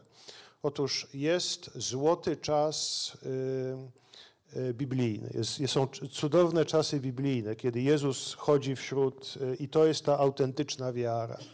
Potem jest pierwszych sześć wieków wspaniałej teologii ojców Kościoła, prawda? Y, I potem generalnie jest czarna dziura. Y, No, może u nas, u Dominikanów, do XIII wieku. Potem nagle pojawia się ta gwiazda na firmamencie święty Tomasz i znowu jest czarna dziura, aż do Soboru Watykańskiego II. I teraz, y, jako ci młodzi klerycy, mieliśmy takie, y, y, tak byliśmy niemądrzy wówczas. Mieliśmy takie przekonanie, że wielkość Soboru Watykańskiego II polegała na tym, że on dokonuje tego bypassu nad historią Kościoła, czyli od XX wieku sięga do tych złotych czasów ojców Kościoła i do tych złotych czasów biblijnych i dzięki temu przy, przybliża nam tą wspaniałą y, y, teologię. I dopiero kiedy zacząłem wykładać teologię i, i, i- musiałem sięgnąć do dokumentów Soboru Trydenckiego i Soboru Watykańskiego I, przeczytałem Konstytucję Soboru Trydenckiego, czyli XVI wiek. Em, Omawiałem to moim studentom i wtedy miałem takie doświadczenie, że po prostu byłem zachwycony piękno, pięknem tej teologii. Da? Ale to już było, kiedy ja y, y, zostałem wykładany. Proszę Państwa, historię teologii trzeba i historię Kościoła y, trzeba widzieć w całości. Nie, nie było złotego wieku. Jedynym złotym wiek, wiekiem jest sama postać Chrystusa. Tylko to. Złotego wieku nigdy nie było. Teologia ojców Kościoła nie jest złotym wiekiem. Ma szczególną wartość ze względu na to, że to było blisko momentu życia Zbawiciela. Ale to nie był złoty wiek. Wprost przeciwnie, mówili czasami nie- niesłychanie niemądre rzeczy i, i, i, utrzymywali bardzo niemądre. I potem, I potem ani XIII wiek, święty Tomasz z to nie jest złoty wiek, chociaż niezwykle nie, trzeba historię teologii i historię Kościoła widzieć w całości jako pewien moment organicznego rozwoju, gdzie na każdym etapie spotykamy blaski i cienie. Tak, ksiądz profesor. Ja małe dopowiedzenie, może sformułuję je radykalnie. Ja osobiście nie mogę pojąć, jak tak zwani zwolennicy tradycji nie akceptują fundamentalnego faktu tradycji, jaką jest Sobór zatwierdzony przez papieża.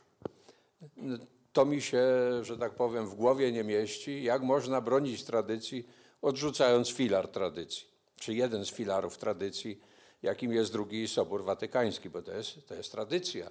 To nie jest coś ponad tradycją czy obok tradycji. I druga, druga, druga rzecz, która wydaje mi się w odniesieniu do Soboru i teologii warto, warto zaznaczyć. Oczywiście teologia ma swoją ciągłość, ma swoje wzloty, ma swoje upadki. I gdy rzeczywiście się sięga do tego, co jest tą złotą nicią teologii, czyli, czyli gdy sięgamy do Soboru Trydenckiego na przykład. No ja wykładam, wykładam e, sakramentologię i, i co roku omawiam sakrament pokuty w formie komentarza do doktryny o spowiedzi Soboru Trydenckiego i odkrywam tam takie bogactwa antropologiczne i odpowiedź na te pytania, które dzisiaj się stawia, że tylko sobie stawiam pytanie, skąd oni to wiedzieli, że to trzeba zaznaczyć.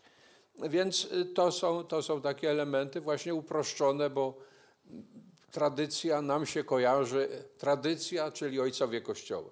Natomiast tradycja to jest to, co jest do, do, do dnia dzisiejszego, bo każda wypowiedź, wypowiedź kościoł, kościelna wpisuje się jakoś w tradycję. Może problem jest taki, że my tej tradycji nie znamy w sensie takim materialnym? Co, co tam, gdzie i kiedy było powiedziane. Po, poza tym, nawiązując do tego, co ojciec tu ładnie powiedział, jak patrzymy na ojców Kościoła czy teologię w innych epokach. Jest taka zasada he- hermeneutyczna, która mówi w teologii, że przyjmujemy to, gdzie opinia ojców Kościoła jest jednogłośna. Miałem takiego profesora patrologii, który mówił, że ojcowie Kościoła zgadzają się tylko w dwóch rzeczach. A mianowicie, że Bóg jest duchem, przepraszam, że Bóg jest ojcem i Bóg jest duchem. Natomiast w każdej innej kwestii ojcowie Kościoła są podzieleni. To y, takie usprawiedliwienie dla dzisiejszych czasów, że jak widzimy podział i różnice, no to wpisujemy się w nurt y, tradycji pisanej małą literą. Dziękuję. A jest też ta pisana z wielkiej litery, Wielkiej litery. Przy czym Sobór Watykański II tutaj zrobił taką rzecz, którą nawet w teologii fundamentalnej mało się podkreśla, gdzie mówi tradycja autentyczna, tradycja żywa, tradycja święta.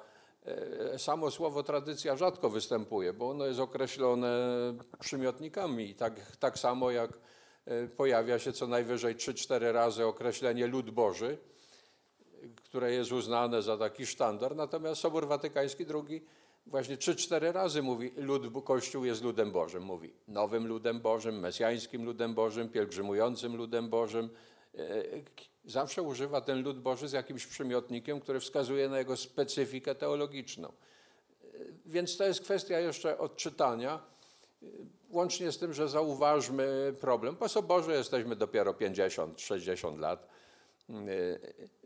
Jak popatrzymy na to, jak następowała recepcja Soboru Trydenckiego, 40, 50, 60 lat po Soborze jeszcze tak naprawdę nic się nie wydarzyło. Można powiedzieć, że gdyby y, dogmat na przykład o wniebowzięciu Najświętszej Maryi Panny oprzeć tylko na ojcach Kościoła, to tego dogmatu by nie było, prawda? I to też chyba się pojawia bardzo mocno na przykład w autobiografii Józefa Ratzingera, ten taki przypadek właśnie, że on jest wtedy w seminarium, zostaje ogłoszony dogmat o, nie, o wniebowzięciu i że część teologów niemieckich była jakby przeciwko, łącznie właśnie z mistrzem czy tym właśnie promotorem Józefa Ratzingera, który wtedy mu powiedział taką rzecz i widocznie to na Ratzingerze zrobiło taką, takie wrażenie, że to aż zapisał i to zapamiętał, że mówi, że gdy ja myślę jako teolog inaczej, a zostaje wprowadzony w tym wypadku właśnie taki dogmat, to ja muszę sobie zdać sprawę, że Kościół wie lepiej niż ja sam. I, I myślę, że to jest, że tak powiem, sposób myślenia, który właśnie Józefowi Ratzingerowi już do końca potem towarzyszył. Ale dziękuję ojcu yy, Kupczakowi za odpowiedź na to pytanie dotyczące Ratzingera na Soborze i tej recepcji. Myślę, że nam dużo to yy, wnosi. Ale pytanie do yy, księdza Królikowskiego, bo będzie dotyczyło kolejnego już okresu, ale również lat 60. Bo Ratzinger wra- wraca z Soboru, Sobór się kończy i mamy rok 68, kiedy jest, z tego co pamiętam, to jest jego etap w Münster, kiedy był teologiem. Łącznie z drugą te, tą katedrę dogmatyki miał pod sobą wtedy Hans King. I dochodzi do tych protestów studenckich roku 68 i Ratzinger w 69 przenosi się, to jest jego jakby ostatni etap pracy akademickiej do Ratyzbony, najdłuższy, 8 lat. Wtedy myśli, że będzie pisał w tym okresie podręczniki do y, teologii. Właśnie udało mu się tylko dokończyć eschatologię i wiemy, że mm, potem Hans King, czyli zamienia się w jego pierwszego przeciwnika, wcześniej jego przyjaciela, tak? Zewald podaje taki, taką ciekawostkę w autobiografii, że Ratzinger na uczelnię przyjeżdżał na rowerze w berecie, a Hans King przyjeżdżał w żółtym, czerwonym kabrioletem czy żółtym, nie pamiętam jak tam było dokładnie, ale że sportowym autem. Tak, tak, tak, dziękuję za to. I mm, potem wypracowuje coś takiego, y, Hans King mówi właśnie o tym zerwaniu, tak? Mit zerwania właśnie, że wcześniej Ratzinger tak, od roku 51 do 68 jest takim postępowym teologiem libe- liberalnym, kiedy wtedy wychodzi wprowadzenie w chrześcijaństwo, a potem właśnie King go bombarduje i przez cały ten okres do 77, ale również potem, bo wiemy, że nawet w czasie pontyfikatu Ratzingera to miało miejsce, y, go właśnie oskarża, że jakby wystraszył się studentów protestujących na uczelni i wtedy zmienił zupełnie właśnie pod wpływem jakiejś traumy psychicznej y, pogląd swój na teologię i na, na Kościół. Czy mógłbym prosić o komentarz do tego? Ja myślę, że e, warto pamiętać, że King też był ekspertem soborowym, E, więc oni na soborze byli, byli razem, więc e, tutaj te, ten wątek jest bardzo ważny i e, pokazuje się, były odpowiednie badania prowadzone, że kto wie, czy King nie miał, e, zwłaszcza w konstytucji Lumen Gentium, w wielu punktach bardzo mocnego wpływu, jak choćby ten fragment, wszyscy mówią, że to jest autorstwa Kinga o charyzmatach w Kościele. Więc y, to są, to są takie ich zaszłości i kto wie, czy tam nie był, jak to zwyczajnie bywa, nawet między te, teologami spór personalny o, o, rozmaite, o rozmaite sprawy. Natomiast ja myślę, że właśnie e, to bym widział, że po Soborze Watykańskim II Ratzinger stał się teologiem takim soborowym. To znaczy dla niego Sobór stał się pewnym wyznacznikiem myślenia, y, uprawiania teologii, czy on zaznacza to wprost, y, czy nie wprost, y, ten, ten wątek widać. Więc dla niego Sobór był takim rzeczywiście elementem tradycji, y, który należy włączyć do myślenia teologicznego i myślę, że tam e, te krytyki, choćby pod adresem e, wprowadzenia do chrześcijaństwa, które mówią, e, ja tam widzę więcej drugiego Soboru Watykańskiego niż Hegla. To, to jest e, mo- moja, moja wizja. Natomiast e, rzecz e, taka by była właśnie to przyjęcie drugiego Soboru Watykańskiego jako pewnego nurtu myślenia. Oczywiście, tak jak żeśmy mówili, wydarzenia konkretne wpływają na myślenie teologiczne, na podejmowane tematy i zresztą Ratzinger sam zaznacza, że w odniesieniu do tego 68 roku starał się dać odpowiedź. Nato, natomiast nie myślę, żeby on się tego przestraszył, znając y, historię Kościoła, wiedział, że nie takie wstrząsy nie tylko w Kościele, ale i w świecie były i koś- Kościół przeszedł nad nimi spokojnie. No to też jest szkoła świętego Augustyna. Nie? Takie, takie są czasy, jakimi my jesteśmy. My jesteśmy naszymi czasami. Do tych cytatów się wtedy właśnie po, w kontekście 68 roku Ratzinger odwołuje. Niewątpliwie było to pewna, było pe, pewne doświadczenie traumatyczne dla wielu myślących teologów ten rok 68. Y, Zresztą Ratzinger też o tym pisze. Przyszedł Sobór Watykański II, uspokoił pewne tendencje, wyznaczył drogę, zaczęliśmy tą drogą iść i nagle y, wszystko się wali. Jest taki jego komentarz do credo Pawła VI, w którym e, właśnie ten wątek, e, wątek e, e, Ratzinger tak umiejętnie, umiejętnie podkreśla. Więc to nie wynikało z traumy, ale takiej próby przejścia właśnie przez ten 68 rok i to, co działo się na uczelniach. Zresztą dzisiaj to samo się dzieje, kilkadziesiąt lat później. Więc właśnie taki, taki nurt buntu, który niepokoił z tego powodu, że niweczył ten ciężki wysiłek y, drugiego Soboru Watykańskiego i tego, co było przed Soborem. No, nie ma gorszej rzeczy, jak widzieć, jak y, czyjąś pracę długą, ciężką się po prostu, po prostu niszczy. I on widział, że to jest niszczenie tego, co zostało wypracowane z takim wielkim poświęceniem. Stąd była to tylko moim zdaniem próba takiego adekwatnego zmierzenia się z tym zamętem, który się pojawił. Czy to było niespodziewanie, czy spodziewanie, to, to już jest inna rzecz.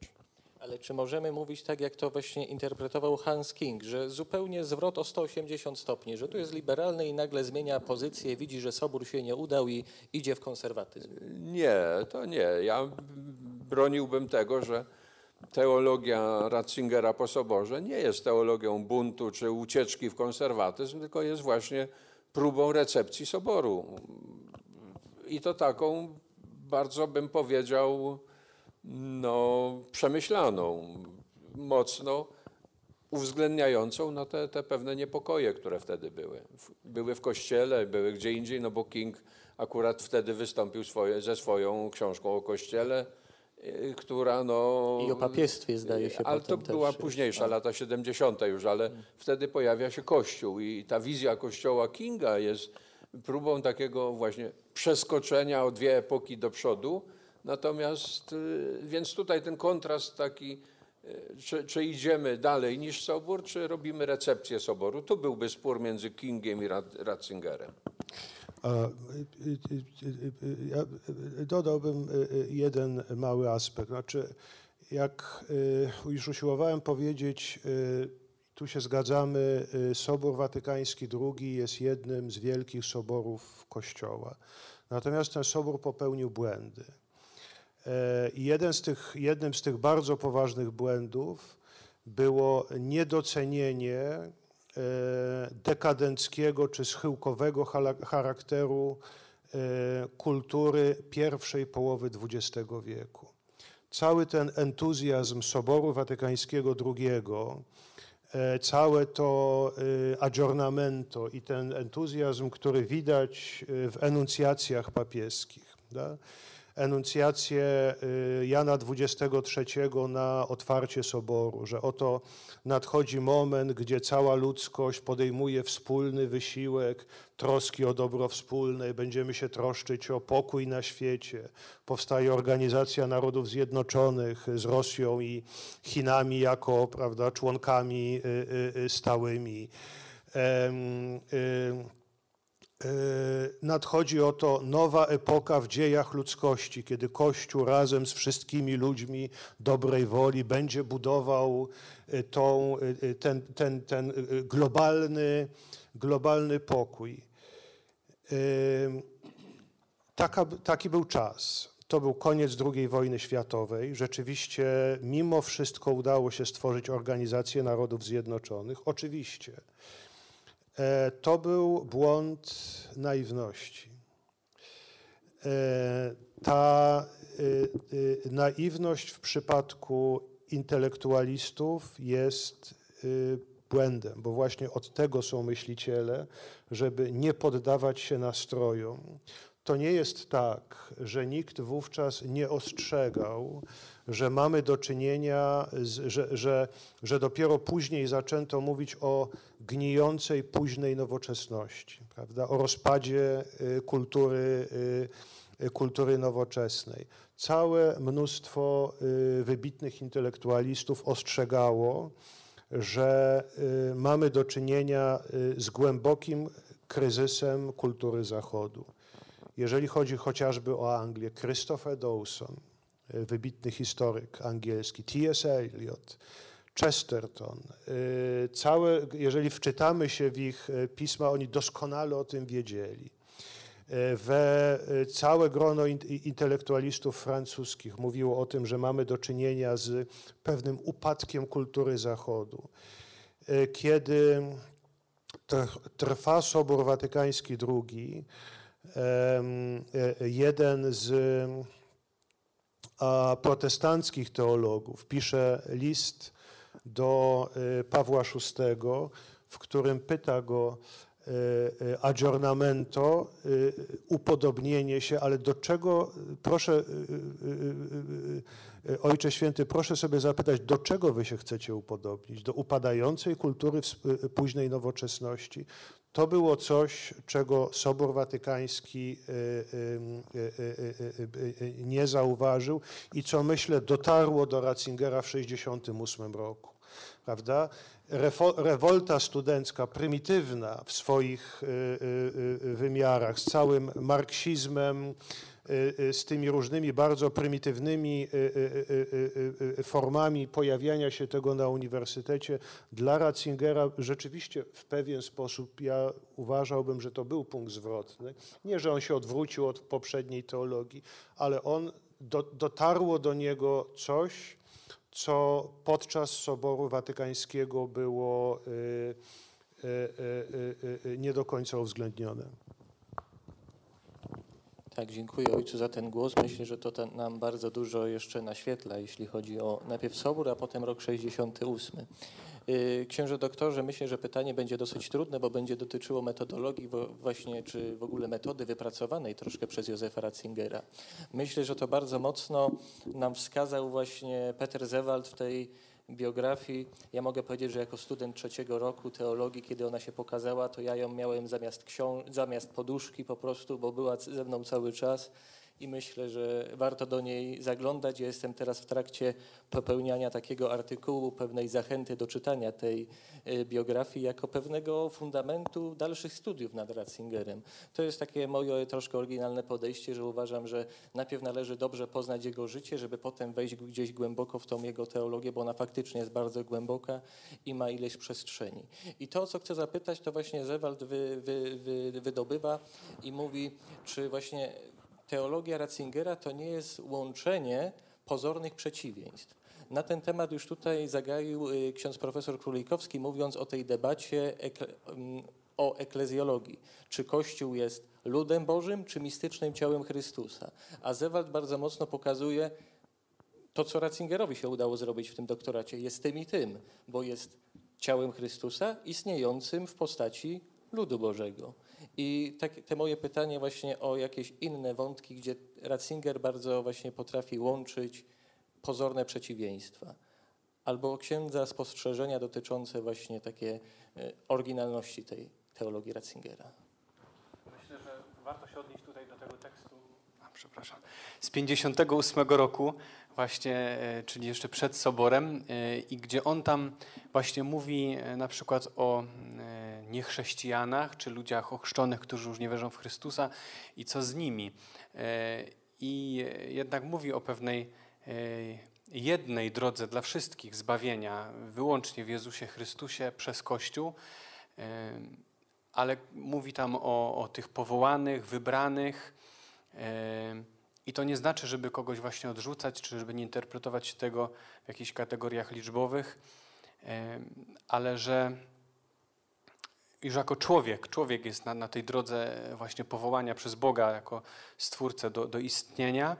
E, I myślę, że tutaj potrafi e, właśnie sprowadzić chrześcijan, niechrześcijan na taki wspólny grunt e, właśnie prawdy, miłości, szukania przynajmniej prawdy, pytania o prawdę. E, A tu w kontekście nowej ewangelizacji, czyli właśnie co dotyczy szczególnie ludzi ochrzczonych, którzy e, już nie wierzą w Jezusa Chrystusa albo jako chrzczeni nigdy w Niego nie uwierzyli. E, Więc myślę, że tutaj, a propos jakichś godzenia powiedzmy pozornych przeciwieństw, właśnie sprowadzić e, człowieka, jednego i drugiego, chrześcijanina, niechrześcijanina, czy ochrzczonego, niewierzącego w Chrystusa, sprowadzić na grunt właśnie taki wspólny, uniwersalny człowieczeństwa i przy całej tej właśnie dekadencji i grzeszności człowieka, e, to jednak jest też taki optymizm, e, że jest człowiek, że, że, że, że choćby bardzo grzeszył i, dużo tego zła było w świecie, to jakby e, to, to pozostaje ten skarb człowieczeństwa, choćby był mocno przykryty, taki nierozpoznany, e, no to jednak warto wierzyć w takie kategorie prawdy, dobra, piękna i jakby o nie pytać i pomagać je na nowo odkrywać. To myślę, że tutaj e, ten tekst pomaga. Poruszamy się przy tym właśnie cały czas eseju Nowi Poganie i Kościół. O to dlatego pytam, bo wiem, że ksiądz właśnie biorąc to na kanwę swojego doktoratu, między innymi ten tekst, do, dobrze te, te, te fragmenty zna i to, co z niego wybrzmiewa. I to jest ciekawe, że y, pewną troską Józefa Ratzingera i to myślę, że dobrze by było, żeby wybrzmiało, że była właśnie Europa, Europa chrześcijańska. I w tym tekście, chociaż nie jest to napisane tak wprost, że jemu przede wszystkim chodzi o Europę, chociaż taki fragment tam się mały pojawia, bo mówi o tym, że w Europie w pewnym momencie Kościół zlał się ze światem, a teraz raczej możemy zakładać, że jest odwrotnie. Y, Właśnie chciałem zapytać księdza, czy możemy to nazwać pewną teologią Europy Józefa Ratzingera? Akurat ten esej i też inne fragmenty poświęcone Europie. Myślę, że tak, ponieważ mm, i a propos tutaj wspomnianej metody, pytania o metodę Ratzingera, że analizuje, że, że pyta, że, że opisuje, diagnozuje, e, że na, może i też wyprowadza z pewnej właśnie tu, e, a propos wspomnianej naiwności, to myślę, że on jest tego świadomy i choćby no, w tym tekście ja uważam, że to brzmi taka świadomość, a to przecież 58 rok, brzmi świadomość właśnie tego, jak jest i na przykład on tam sugeruje, że dzisiaj chrześcijanin powinien raczej zakładać niewiarę swoich bliźnich. E, I myślę, tu przybija ta jego świadomość i to może być dla nas dzisiaj szokujące, e, bo ciekawe, co by dzisiaj powiedział, a przecież no, mówił, bo tak niedawno odszedł, a wierzymy w świętych obcowanie. E, Ale, ale właśnie, skoro on wtedy tak potrafił napisać, to co dopiero dzisiaj. E, Ale myślę, że tak, jest to taka teologia Europy oparta na, na his, znajomości historii Kościoła, historii Kościoła w Europie, e, właśnie no, teologii, Biblii. Tak, I to też to jest piękne u niego to odnoszenie e, tych okoliczności, wydarzeń do objawienia Bożego, e, do Pisma Świętego, do tradycji. E, To jest takie piękne, rzuca takie nowe światło, że pomaga patrzeć na, na te okoliczności, wydarzenia nie, nie tylko czy nie w kategoriach przede wszystkim jakichś takich socjologicznych, politologicznych, tylko w kategoriach teologicznych i z perspektywy objawienia, objawienia Bożego. I, I to jest takie piękne, że ja tak uważam, że to uczy mnie przynajmniej, e, żeby nie patrzeć na Kościół i, i na jakieś właśnie procesy, e, e, czy nie opisywać tego tylko jakimiś słowami liberalny, konserwatywny, nowoczesny, tradycyjny, prawicowy, lewicowy, co też tu odnosząc się do papieża Franciszka, bo on też swego czasu na to zwraca uwagę, e, że to zubaża bardzo myślenie o Kościele e, i właściwie szkoda Kościoła, szkoda nas myśleć w ten sposób o Kościele, w takich kategoriach. Trzeba się jakby wznieść ponad to, choćby to bardzo było nam sugerowane, podpowiadane e, czy narzucane, to, to, to jednak patrzeć szerzej, głębiej, a myślę, że to zapewnia takie spojrzenie właśnie objawienie Boże którego takim piewcą był e, Benedykt XVI. Dziękuję bardzo. Teraz będzie pytanie, które pozwolę sobie skierować do wszystkich trzech naszych gości i poprosić o odpowiedź. Może takim małym wprowadzeniem do tego pytania będzie, że to jest y, moja myśl, która się narodziła pod wpływem lektury artykułu ojca Napiórkowskiego. Ojciec mówił o Napiórkowskim, ale Franciszkanie i nie Celestynie czy Andrzeju Paulinie? Mhm. Tak, wcześniej było, że był jako kleryk już. Tak. Że już jako kleryk był dojrzały teologicznie. A, ksiądz Krus. A. Ale do Napiórkowskiego w tym momencie chciałbym y, nawiązać. Y, w zeszytach nauk teologicznych Pan, y, ojciec Andrzej Napiórkowski z zakonu Paulinów, w 2017 roku, z tego co się nie mylę, zamieszcza taki artykuł rebeliant w kościele czy stróż doktryny katolickiej. I tam w jakiś sposób tak omawia teologię Ratzingera. I konkluduje, wydaje mi się, że w sposób dosyć taki smutny, bo mówi, że teologia Ratzingera ulegnie jakiemuś takiemu rozkładowi, czy zostanie zapomniana za jakieś 20 czy 25 lat, bo nie jest tak wyrazista jak teologia na przykład Baltazara, który budował tę swoją teologię na pojęciu chociażby piękna. I to jest właśnie moje pytanie, myślę, że takie szerokie, ale bym prosił o takie, no, co księża na ten temat myślą, czy właśnie teologia Ratzingera będzie jeszcze podejmowana, czy będą wokół niej badania, czy będzie pogłębiana, czy właśnie tak jak stawia diagnozę ojciec Napiórkowski, y, no, ulegnie jakiemuś rozkładowi, czy zostanie zapomniana. Można by lekko przeformułować to pytanie i y, sformułować je w, y, w takich kategoriach, czy ona jest przełomowa, czy y, teologia Józefa Ratzingera jest przełomowa, tak jak to się zdarza niektórym teologom, czy, za, czy rzeczywiście za 50 czy za 100 lat będzie jedynie e, świadectwem wieku czyli będzie jednym z elementów, y, z rozdziałów y, w książkach z historii teologii. Y, powiedziałbym, gdybym szukał argumentów na przełomowość tej teologii, to powiedziałbym o jednej rzeczy. Ksiądz, poprzednie pytanie w gruncie rzeczy tego dotyczyło, a mianowicie paradoksalnie powiedziałbym nie o, tym, o tych ściśle teologicznych e, można oczywiście powiedzieć, że to, co Ratzinger zrobił w eklezjologii, nie będzie miało jedynie charakteru wyłącznie historycznego, tylko, tylko jego dokonania w eklezjologii, czyli, czyli e, e, eklezjologia komunijna i ta komunijność, szczególnie eucharystyczna, prawda, że to zostanie jako, y, y, ale to y, zostawię mojemu sąsiadowi do, do pociągnięcia ten, ten, ten wątek eklezjologiczny. Natomiast, natomiast przełomowa była teologiczna hermeneutyka kultury.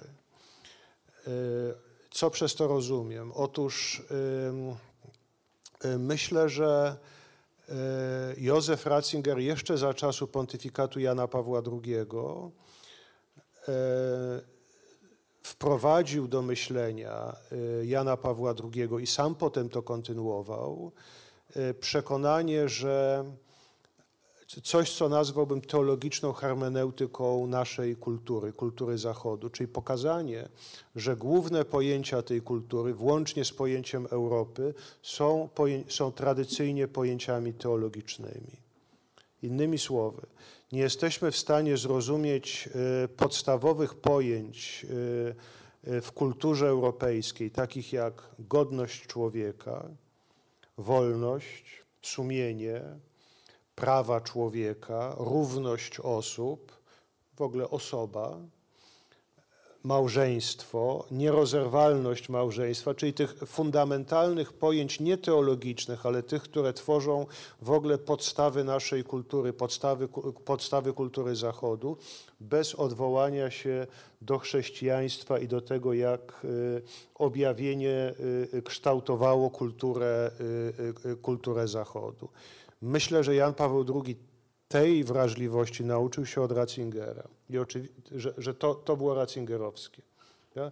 Jan Paweł II jako e, tomista niekoniecznie to byłaby jego pierwsza, y, y, y, y, jego pierwsza intuicja. To było, to było ratzingerowskie. Oczywiście on to przyjął.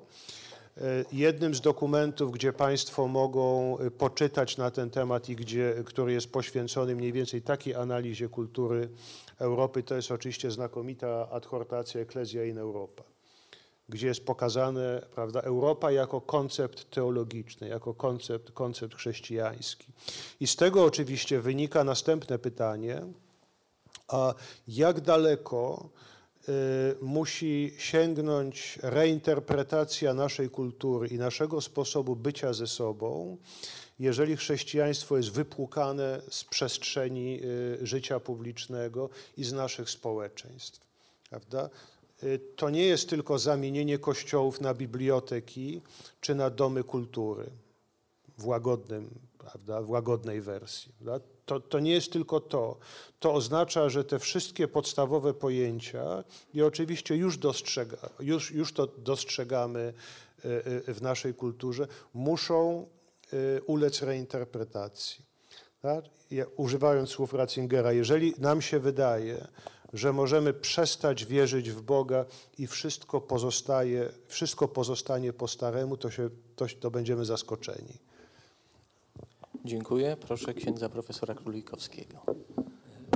Ja przywołam taki ulubiony mój fragment z jednego wywiadu, którego udzielił biskup Życiński. Ja biskupowi Życińskiemu wiele zawdzięczam. E, Wysłał mnie na studia. e, Dzięki temu z zaścianka na Parnas e, mogłem wkroczyć, e, ale pani pyta go, jak tam ksiądz biskup przewiduje, w jakim kierunku to pójdzie, no a on odpowiada wtedy, wie, no wie pani, jako prorok do tej pory jestem jeszcze mało znany, ale spróbuję. E, Więc e, mnie się wydaje, że trzeba by tu rozróżnić kilka, kilka rzeczy. Wydaje mi się, że e, pierwsza rzecz, ja do tego przykładam dużą wagę, na pewno Ratzinger zostanie odkryty jeszcze bardziej w swoim, te, swojej teologii w swoim nauczaniu jako ten, który dowartościował wymiar mądrościowy teologii. W duchu świętego Bonaventury, trochę, trochę w duchu takiego już współczesnego doświadczenia, zwłaszcza tego kulturowego. Nie, nie wystarczy tylko teologia taka, nazwijmy ją właśnie ta tomistyczna, spekulatywno czy, czy akademicka, potrzebna jest teologia mądrościowa, czyli ta, która e, chwyta doświadczenie, na nie odpowiada i z niego korzysta. Jeśli chodzi o, o treść, to ja, treści teologiczne, to mnie osobiście bardzo odpowiada to, że na pewno zostanie, i to już widzimy w teologii dzisiejszej, to jest taka teologia podstaw. To, co on ciągle podkreślał. Tematy interesujące to jest Bóg, Jezus Chrystus, Kościół, Duch Święty, sakramenty, czyli, czyli taka, nazwijmy ją, teologia w mocnym odniesieniu do katechizmu, jeśli nie powiemy, że w ogóle do credo. I y, to, co e, ojciec Jarosław tutaj wspomniał, no ten wątek eklezjologiczny, który moim zdaniem e, wymaga generalnego przepracowania, bo ja widziałem, mam całą kolekcję tych e, wypowiedzi, doktoratów o Kościół jako komunia u Ratzingera, Kościół jako lud Boży u Ratzingera, Kościół jako coś tam jeszcze u Ratzingera. No ja czekam, że ktoś odważy się napisać e, doktorat czy pracę, może monografię, może to wykracza poza zakres doktoratu, Kościół Chrystusa u Ratzingera. E, Nie, nie taki inny w świetle takiej czy innej kategorii, tylko po prostu to, co, co jest bardzo podstawowe, gdzie te wszystkie elementy trzeba połączyć, bo on w tej wizji Kościoła przechodził ewolucję. Ja to obserwowałem z bliska przez 20 lat blisko, bo, bo tłumaczyłem jego teksty na język polski tam za, bardzo wcześnie, w latach 90., e, na początku jeszcze e, mój grzech pierworodny z Ratzingerem to była przetłumaczenie na język polski. E, Die Tochter Zion, e, jak byłem wikarym gdzieś tam na, na Podgórzu w diecezji tarnowskiej, wtedy w Gorlicach, więc sobie to w wakacje zamiast jeździć na rowerze tłumaczyłem Ratzingera.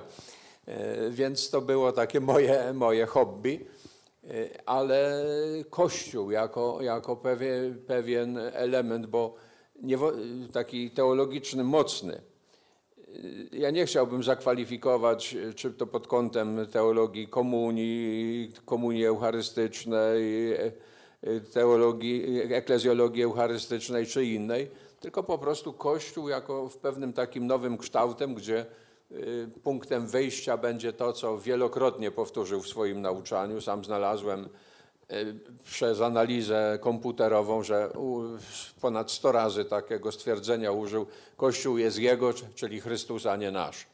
Więc y, ta, ta pewna taka, nazwijmy to nawet transcendencja Kościoła jako kategoria naczelna, więc y, to wymaga przemyślenia.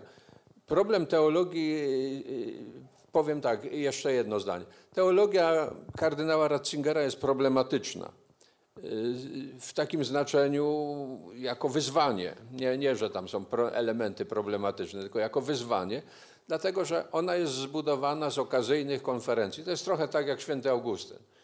To jest zbiór pism polemicznych. Natomiast u Ratzingera to są wypowiedzi y, dyktowane taką czy inną okazją, takim czy innym zaproszeniem. I żeby to wszystko teraz ogarnąć i złożyć z tego jedną książkę, to jest. y, No bo Ratzinger tak naprawdę, nie licząc doktoratu i habilitacji, napisał tylko dwie książki. Y, Książki to jest wprowadzenie do chrześcijaństwa i duch liturgii. Natomiast wszystko inne to są zbiory artykułów. Stąd ta różnorodność i, i powtarzanie się pewnych tematów, niektóre tematy zaznaczone, więc spróbować tego ująć, ująć taką syntezę, nie tylko taką akademicką, do, y, jak w doktoracie się robi, że no napisał to, to, to, aspekt chronologiczny, takie i takie wyzwania po drodze i mówił to i to. Tylko z tego złożyć pewną wizję Kościoła, no to by była duża rzecz do zrobienia. Ja w tym wcieleniu już się nie podejmuję. Dziękuję bardzo za tę odpowiedź. Nie będzie? A co ty mówisz? I poprosiłbym jeszcze księdza doktora Jędrzejskiego o odpowiedź na to pytanie. Co do losów teologii Ratzingera, to myślę, że w pewnym stopniu, w pewnym stopniu to jest zależne od nas po prostu. Też e, czy się tym zainteresujemy, a to, że tu jesteśmy i o tym mówimy, to świadczy o tym pozytywnie, odpowiada na to pytanie i to już jest dużo. E, A jeszcze daj Boże, gdzieś ktoś stąd wyjdzie i przekaże dalej, e, o czym tu była mowa. E, I takie tematy właśnie, to, to tutaj powtórzę to, co księża profesorowie powiedzieli, właśnie te takie żelazne. I za to na przykład papież Franciszek na początku swojego pontyfikatu dziękował, czy tak publicznie mówił, za co Kościół jest wdzięczny właśnie, i za co będzie wdzięczny Ratzingerowi. To właśnie są takie e, te, te żelazne sprawy, odniesienie do osoby Jezusa Chrystusa, do Kościoła. To jest właśnie takie mocne osadzenie w Biblii, w ojcach Kościoła. I żeby takie zrobić też odniesienie duszpasterskie tutaj, e, myślę, że teologia Ratzingera zawsze jest taka motywująca po prostu do uwierzenia w Jezusa Chrystusa, do zapytania, kim On jest. I często na przykład w swoich tekstach e, Ratzinger e, pisze o Chrystusie słowem inny, inny. Z wielkiej litery nie pisze Jezus Chrystus jeszcze, jeszcze. Jeszcze nie pisze. Syn Boży jeszcze nie pisze, ale pisze inny. Tak intryguje, zaciekawia, co za inny, o kogo tu chodzi. E, I to czytając, czy to duchowny, czy świecki, myślę, że to każdy tym może się zainteresować. I to jest zawsze dobre i to będzie zawsze aktualne, tak uważam, e, i skuteczne, e, że, że po, po prostu pomaga uwierzyć w Jezusa Chrystusa, a potem znowu poznać Kościół, to co ksiądz profesor mówi, że właśnie podkreśla, że Jego, Jego. E, I tak znowu odnosząc się trochę duszpastersko, że właśnie z tego powodu jestem w Kościele i z tego powodu, z tego samego powodu, z jakiego do tej pory trwałem w Kościele, z tego samego powodu nie odchodzę z Kościoła, bo to jest Jego Kościół, Kościół Jezusa Chrystusa i to motywuje i do tego Ratzinger inspiruje duchownych i świeckich, uważam. To odpowiada ksiądz, te ostatnie zdanie to jest po prostu parafraza właśnie Ratzingera, który tam, dlaczego jeszcze jestem w kościele, taki tekst właśnie też po, popełnił. Y, Szanowni Państwo, a przede wszystkim nasi y, szanowni goście mówiący dzisiaj. Myślę, że to na tym zakończymy moje pytania do, do księży, natomiast myślę, że kilka pytań byśmy mogli usłyszeć od naszych gości, którzy do tej pory przez te dwie godziny y, cierpliwie nas słuchali, milczeli, ale myślę, że być może jakieś pytania do naszych tutaj panelistów też się pojawią. Taka mała glosa. Jest taki klasyk e, przykładu antychrysta, że Adolf Hitler miał powiedzieć takie słowa. Dzieło, które rozpoczął Chrystus, ja doprowadzę do końca. O, to jest właśnie taki przykład, ba, bardzo dosłowny, o, tak bym chciał powiedzieć.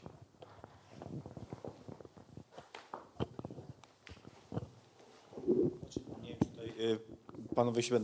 czy y, panowie się będą odnosić, czy... y, Ja tylko je, e, jeden komentarz, bo e, zdanie, że ten świat polityczny, on e, jest bardzo bliski postaci antychrysta biblijnego. I stąd te asocjacje takie do, czy do polityków, czy do pewnych systemów politycznych jako manifestacja antychrysta, no to mamy już w Apokalipsie. Cesarstwo rzymskie jest. Także ten wątek, wątek powraca, powraca bardzo często. I trudno się nie zgodzić także, że no mieliśmy władców, począwszy od Antiocha Epifanesa jeszcze przedchrześcijańskich, że to miejsce Boga na ołtarzu no jednak chcieli zająć. Hitler nie, ponad wszelką wątpliwość. Dobrze, ja mam y, takie pytanie. Bardzo dziękuję za, za to spotkanie i w ogóle za mm, sposób jego przeprowadzenia, ale mam pewien, nie, nie, czuję pewien niedosyt, bo tutaj y, zarówno y, prowadzący, jak i księża skupili się według mnie na tych aspektach teologicznych i filozoficznych, pomijając trochę, może taki był zamiar tego spotkania, inny aspekt, który jest bardzo mocno teraz w ostatnich czas, y, czasach w kościele i w mediach y, bardzo mocno y, pompowany. I chciałbym zapytać o takie mm, mm, wyzwania, które stoją przed Kościołem, a do, dotyczące na przykład wiernych. I tu na przykład sprawa, myślę, bardzo w opinii publicznej w Polsce w ostatnich dniach często poruszana, dotycząca mm, nieprawidłowości w Kościele, to tak ujmując y, dość oglo- oględnie. I moje pytanie jest, na ile można powiedzieć to, że papież Jan Paweł II, później Benedykt XVI i teraz papież Franciszek niejako mają wspólne działania, żeby zapobiegać na przykład pedofilii, czy też te aspekty były na przykład poruszane u kardynałów, czy to u y, kardynała y, Wojtyły, czy u, kardyna, y, czy u biskupa, przepraszam, Ratzingera. Dziękuję bardzo.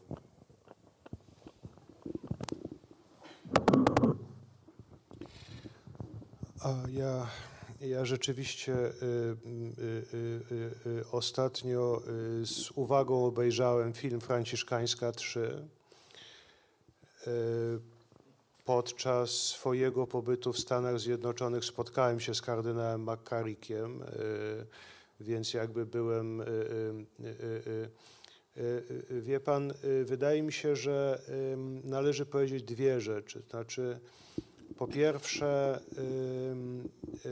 zarzuty wobec zarówno w sprawie Makarika, jak i w sprawie kolońskiej wobec y, y, y, Ratzingera, one zawsze muszą być bardzo konkretne, ponieważ jak dobrze wiemy, także księżom należy się to prawo domniemanej niewinności, prawda, że to zaniedbanie no, trzeba udowodnić, zanim kogoś uśmiercimy. I wydaje się, że w dzisiejszej debacie publicznej o dziwo y, to, to prawo domniemanej niewinności jakby zostało y, zawieszone. Więc zawsze ja, ja chętnie podejmę taką polemikę, jeżeli ktoś sformułuje konkretny y, zarzut. Ja na razie y, z takimi konkretnymi zarzutami specjalnie się nie spotkałem, prawda? To są w dużej mierze. e, e, Natomiast z całą pewnością moglibyśmy, moglibyśmy powiedzieć o ciągu, y, y, y, ciągu y, y, wydarzeń, zarówno w czasie pontyfikatu Jana Pawła II i Benedykta XVI, które sprawiły, że y, w tym momencie, y, jeżeli chodzi o y, przestępstwa seksualne w szerokim tego słowa znaczeniu, w tym momencie prawdopodobnie Kościół jest najlepiej strzeżoną instytucją społeczną przed tego rodzaju, przed tego rodza, ro, ro, rodza, rodzajami działań. Prawda? I można by wskazać cały szereg przepisów w Kościele, e, podniesienie wieku ofiar z 16 do 18 lat, wprowadzenie kategorii nie tylko y, osób nieletnich, ale też osób zależnych.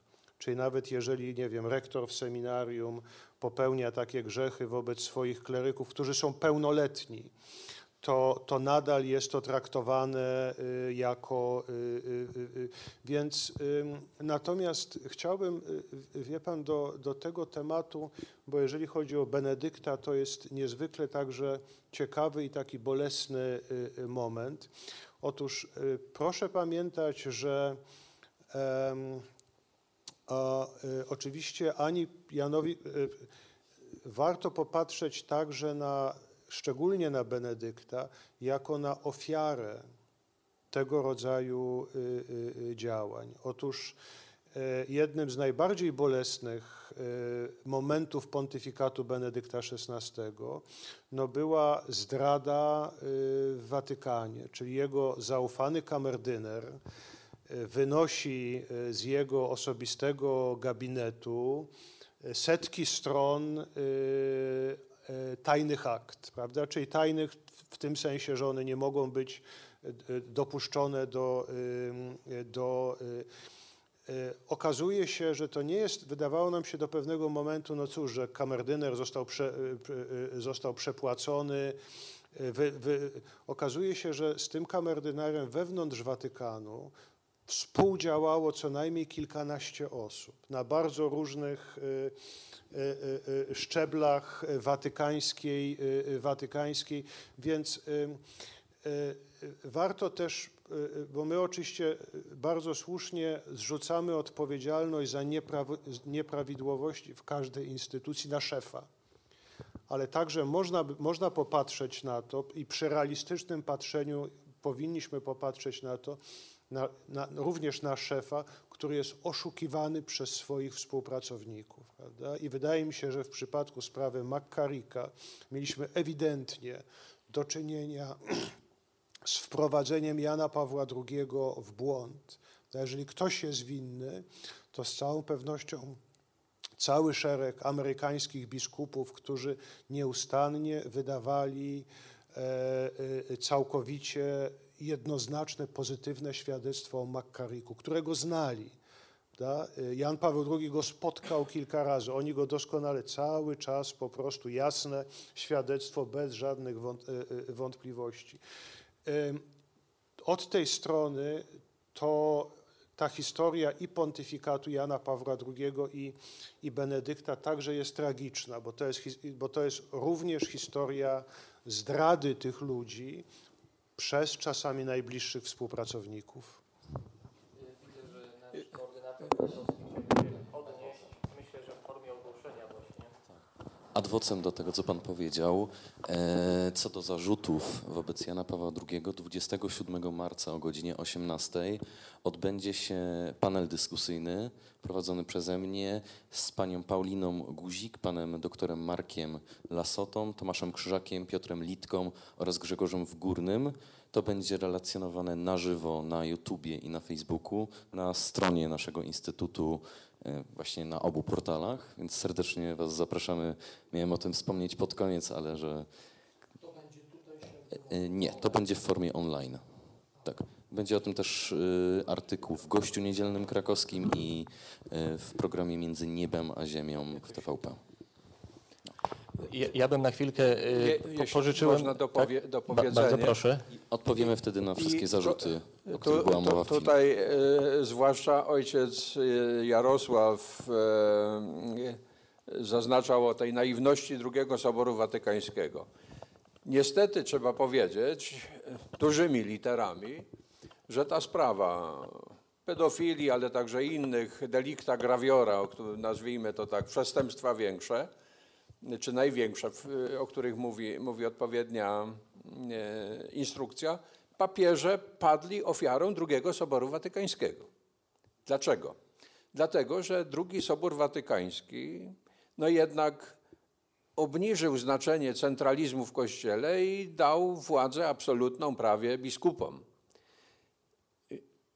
I biskupi do tego nie dorośli, nie poradzili sobie z tym problemem. Dopiero trzeba było interwencji papieża Jana Pawła II, który, o dziwo, bo to postępowanie jest wbrew Soborowi Watykańskiemu II, zwołał najpierw biskupów amerykańskich, potem innych, a potem powiedział jasno, musimy centralnie rozwiązać pewne problemy, bo biskupi nawet w jednej wizycie ad limina, kto wie, czy nie do biskupów Stanów Zjednoczonych jest to powiedziane, że papież zaznacza, że jest mu przykro, że nie odczytali do końca II Soboru Watykańskiego, bo to oni byli tymi, którzy mieli czuwać w diecezji.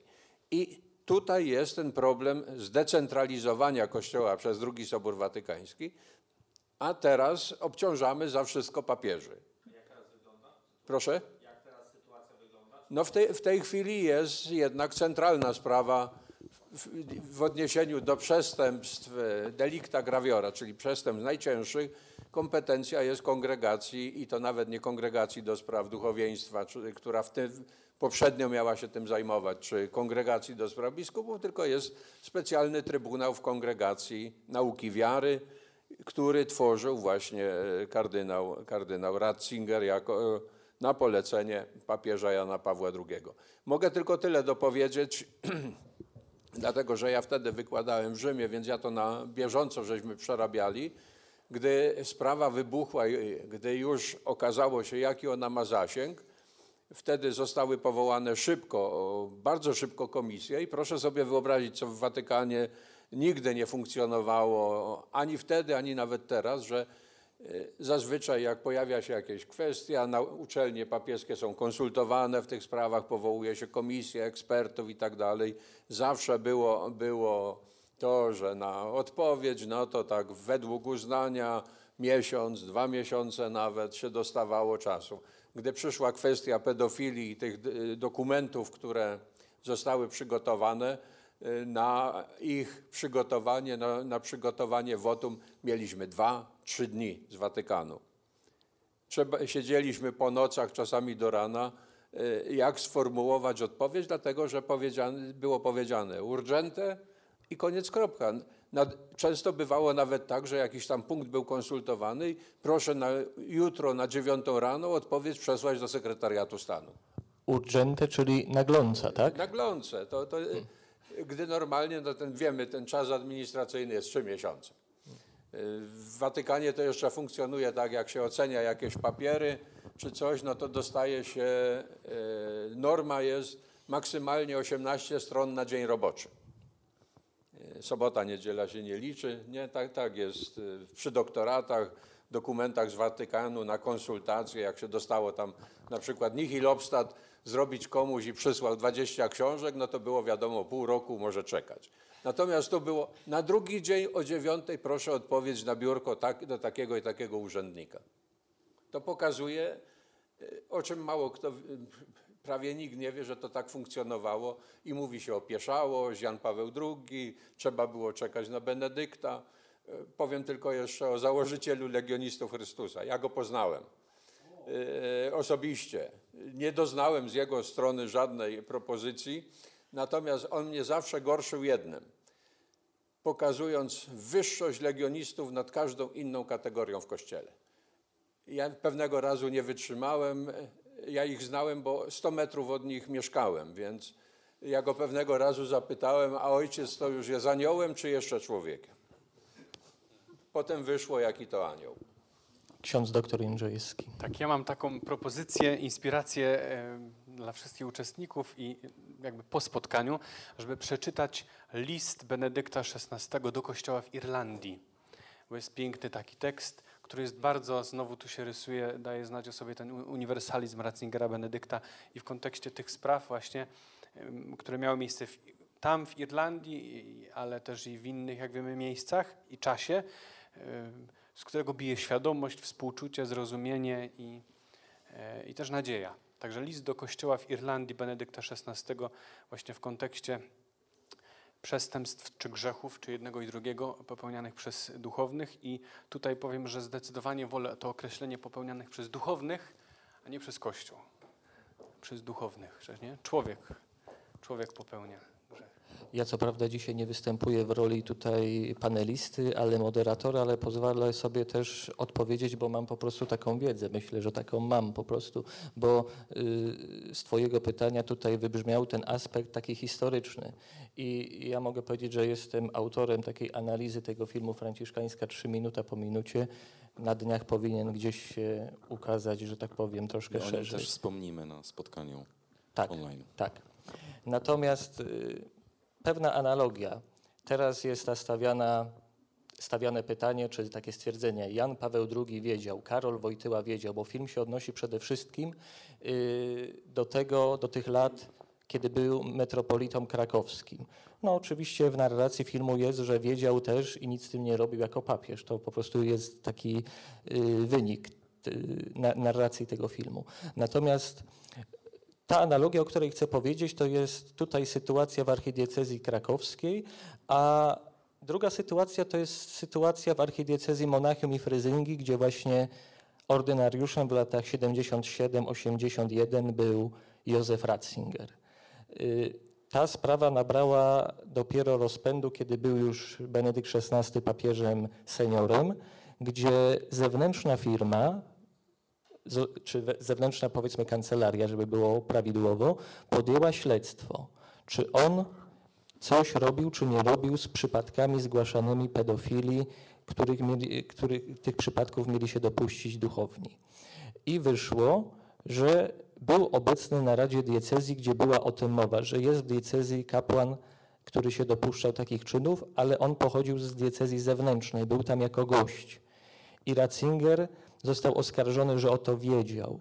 Natomiast potem, kiedy mu przedstawiono zarzuty, okazało się, że on się podpisał tylko pod protokołem, natomiast wtedy obrady Kolegium Konsultorów i Rady Kapłańskiej w diecezji Monachium i Fryzynga mm, te, tych, tym obradom przewodniczył biskup pomocniczy. Także powiedzmy, zobaczmy tutaj ten aspekt, że jest tylko podpisany, a realnie tego nie wiedział. I tak samo sobie możemy odpowiedzieć na pytanie, czy Jan, czy, czy właśnie Karol Wojtyła, czy Jan Paweł II wiedział. Myślę, że jest to pewna analogia i te sytuacje do tamtych y, nawet podobnych lat, ale należy uwzględnić, bo ja to mówię teraz nie jako teolog, tylko jako historyk ze specjalnością archiwistyczną, że y, powinniśmy uwzględnić właśnie kontekst kulturowy. Tamto to była Republika Federalna Niemiec, a tutaj PRL. Troszkę inna, że tak powiem, sytuacja polityczna, nie? odnoszenie się do tych sytuacji.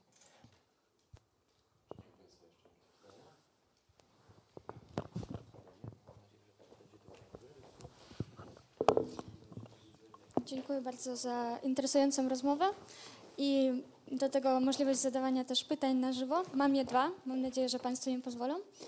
E, Pierwsze pytanie dotyczy sumienia, bo interesuję się tym w kontekście swojej pracy magisterskiej, którą piszę o świętym Tomaszu Morusie.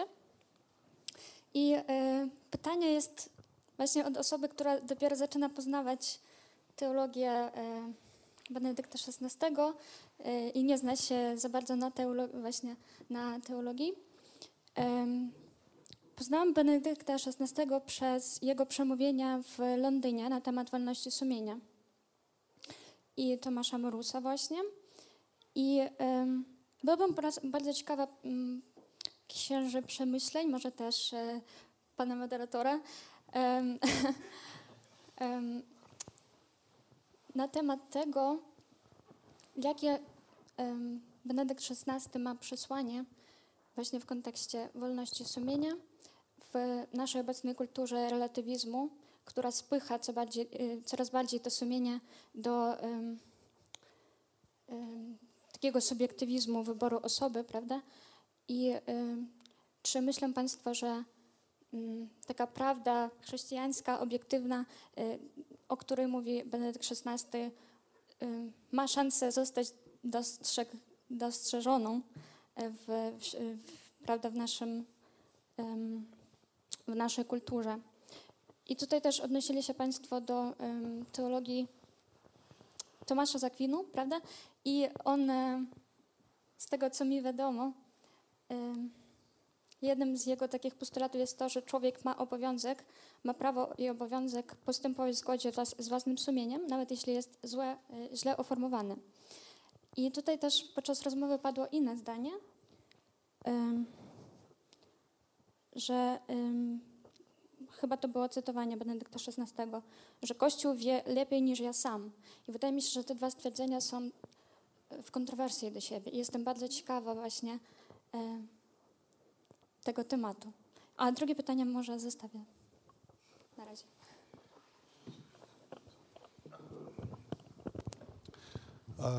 To znakomite, znakomite pytanie i e, bardzo ważne także kontekście dzisiejszej kultury, e, ponieważ w moim głębokim przekonaniu a jedną z herezji, w, e, nieświadomych herezji dzisiejszej kultury jest tak zwana herezja, to co ja nazywam herezją sumienia. To znaczy mówimy o sumieniu, kompletnie go nie rozumiejąc, a może jeszcze, jeszcze gorzej operujemy y, pojęciem sumienia, y, które jest w świetle tego jest niezgodne z, z tym rozumieniem sumienia, jak rozumiano to sumienie y, klasycznie. Ale y, y, y, jeżeli chodzi o Pani pytanie, y, Ratzinger w jednym ze swoich słynnych artykułów o sumieniu stawia dokładnie ten problem, y, pytając się, czy złe sumienie obowiązuje. Ten problem, czy złe sumienie, źle uformowane sumienie, błędne sumienie obowiązuje, on stawia w bardzo konkretnym kontekście, jako Niemiec, w kontekście właśnie zakończonej II wojny światowej, gdzie e, miliony Niemców e, dokonywały strasznych czynów na, bardzo, na, różnych, na, na różnych kontynentach świata i na różnych frontach, powołując się na swoje sumienie albo powołując się na prawo, prawda? że wykonywali, wykonywali rozkazy e, i że ich sumienie, ich sumienie im nic nie wyrzuca. I e, Ratzinger w tym, y, w tym znakomitym artykule przypomina y, drugą część, e, bo oczywiście ta, ta, ta nauka o, o błędnym sumieniu, która jest obecna w, i w katechizmie Kościoła katolickiego, i w magisterium ostatnich dwóch papieży, szczególnie w encyklice o Duchu Świętym Jana Pawła II, którą pewnie współredagował Ratzinger i w encyklice Veritatis Splendor, a więc tak, błędne sumienie obowiązuje, ale bo nie mamy innego punktu odniesienia y, w momencie, kiedy podejmujemy jakieś działanie oprócz swojego sumienia. Ale błędne sumienie nie zwalnia z odpowiedzialności. Czyli jeżeli ktoś postępuje za swoim błędnie uformowanym sumieniem i jest kapo w obozie koncentracyjnym i katuje więźniów, no bo uważa, że wykonuje swoje obowiązki mówi: Moje sumienie mi nic nie wyrzuca. Dobrze, postępujesz za swoim sumieniem i będziesz odpowiadał za swoje czyny. Dlaczego? Dlatego, że to, że postępowałeś za błędnie uformowanym sumieniem, nie zwalnia cię od odpowiedzialności i kary za swoje, za swoje czyny. I proszę zwrócić uwagę, że na ogół w dzisiejszej kulturze mówi się o tym, że błędne sumienie obowiązuje. Da? Czyli ludzie, którzy mają uformowanie, y, które mają y, y, tak, a nie inaczej uformowane sumienie, powinni za nim postępować. I bardzo często w naszych rozmowach to jest taki argument, który mówi, wiesz co, no ty wiesz, mnie krytykujesz, ale ja postępuję za swoim sumieniem, generalnie nie mam z tym żadnego problemu. No święty Tomasz z powiedział, że trzeba każdy musi postępować za swoim sumieniem, więc co się mnie czepiasz? Tak, ale to, że postępujemy za swoim sumieniem i powinniśmy postępować za swoim sumieniem, za swoim sumieniem, nie zwalnia nas y, y, z moralnej odpowiedzialności za swoje czyny, które czasami mogą być złe. Ja? Czyli jeżeli ktoś, nie wiem, mężczyzna ma romans pozamałżeński, no bo on mówi, no, że sobie tak da, potrzebuje trochę ciepła, którego nie otrzymuje od swojej żony, no i jego sumienie w sum- sumie no tak jest w stanie go jakoś usprawiedliwić. Dobrze, ale jeżeli zniszczysz swoje małżeństwo, będziesz za to odpowiedzialny, a to, że postępowałeś za swoim sumienie, to tylko wskazuje na to, że źle uformowane sumienie doprowadziło cię do złego czynu, który ma złe konsekwencje. Prawda? I, to jest, I to jest ta druga część prawdy o, o e, e, obowiązku słuchania błędnego, e, e, błędnego sumienia. Ta, tej drugiej części prawdy często, o tym często się dzisiaj nie mówi. Myślę, słówko do powiedzenia, żeby dać podstawy biblijne. Nie zapominajmy, zupełnie niezauważane stwierdzenie świętego Pawła, bodaj z drugiego listu do Koryntian, w którym mówi: Sumienie mi nic nie wyrzuca, ale to jeszcze nie wystarczy. Moim sędzią będzie Pan. Zastosowanie tego w Kościele, nawet w tej krytykowanej dzisiaj deklaracji Dignitatis Humanae, jest, y, ale kilkakrotnie Sobór Watykański II mówi, chrześcijanin postępuje zgodnie z sumieniem i obiektywnym porządkiem moralnym. Dwumian, dwa, między dwoma biegunami. Nie ma nigdzie y, stwierdzenia tylko postępować tylko zgodnie z własnym sumieniem.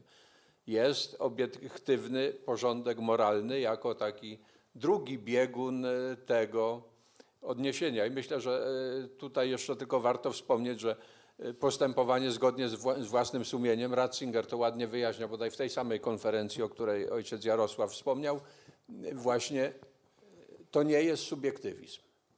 To nie jest opinia, to nie jest pogląd. Sumienie, sąd sumienia jest na o wiele wyższym poziomie niż tylko pewne takie odczuwanie, tylko to jest właśnie sąd e, dojrzały, prawy, pewny, pogłębiany, szukany. E, Także wiele tych przymiotów to posiada. Myślę, że w temacie mm, sumienia i Ratzingera warto przypomnieć jego trzecią encyklikę Miłość w prawdzie i tam e, jest taka podkreślona ta nierozłączność miłości i prawdy. E, I to myślę, że jest taki jakiś może kolejny wątek, jakiś temat teologii Ratzingera, w jego myśli ważny, e, właśnie taka jedność, miłość i prawdy, żeby nigdy tego nie rozdzielać, trochę jak takie nierozłączne siostry, bliźniaczki, nie może być prawdy bez miłości, ani miłości bez prawdy.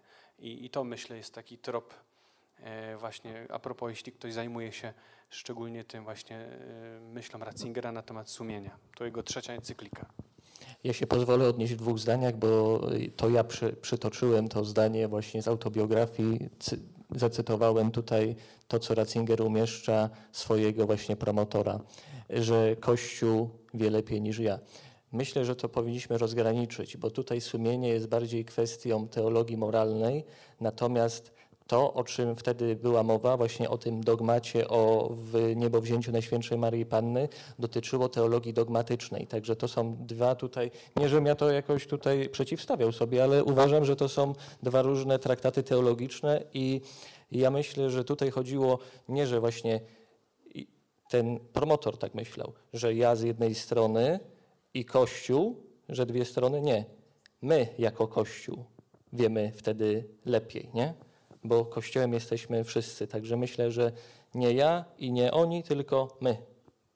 I dla, ta, tak mi się przynajmniej na tą chwilę wydaje. Nie wiem, czy by się księża z tym zgodzili, ale myślę, bo tutaj pan ma kolejne pytanie, prosiłbym o podanie mikrofonu.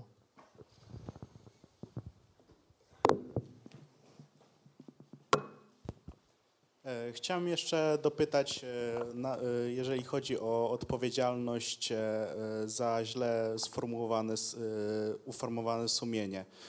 E, Czy to jest tak, jak e, jest taka e, koncepcja w prawie karnym z zawinienia na przedpolu czynu, czyli zawinienie, zawinienie nie może za, za sam czyn, którego nie dało się uniknąć, albo właśnie da, dało się uniknąć przez pewne działania, które, które żeśmy zaniechali. I być, czy, od, czy pogląd Kościoła jest taki, że Pan Bóg nas coś sądzi za to, e, na, na co mie, mieliśmy, mieliśmy wpływ, e, czym zgrzeszyliśmy e, przy formowaniu swego sumienia, tu właśnie przy tych skrajnych przykładach kapo z, obozu koncentracyjnego. E, Czy, czy właśnie z, z, za to odpowiemy, czy też odpowiedzialność będzie, e, będzie za, za skutek, który jakby był e, zdetermi, e, zdeterminowany, a, a formowanie sumienia było jeszcze powiedzmy takie wolontarystyczne powiedzmy. A to jest, y, y, y, wie pan, wydaje mi się, że, że to jest bardzo słuszna analogia, bo oczywiście prawo e, i etyka e, tak naprawdę używając y, tutaj użytej metafory, no są si- siostrami, bo opisują tego samego człowieka, e, używając trochę różnej y, metody, ale wyobraźmy sobie E, Wyobraźmy sobie znowu e, kogoś, kto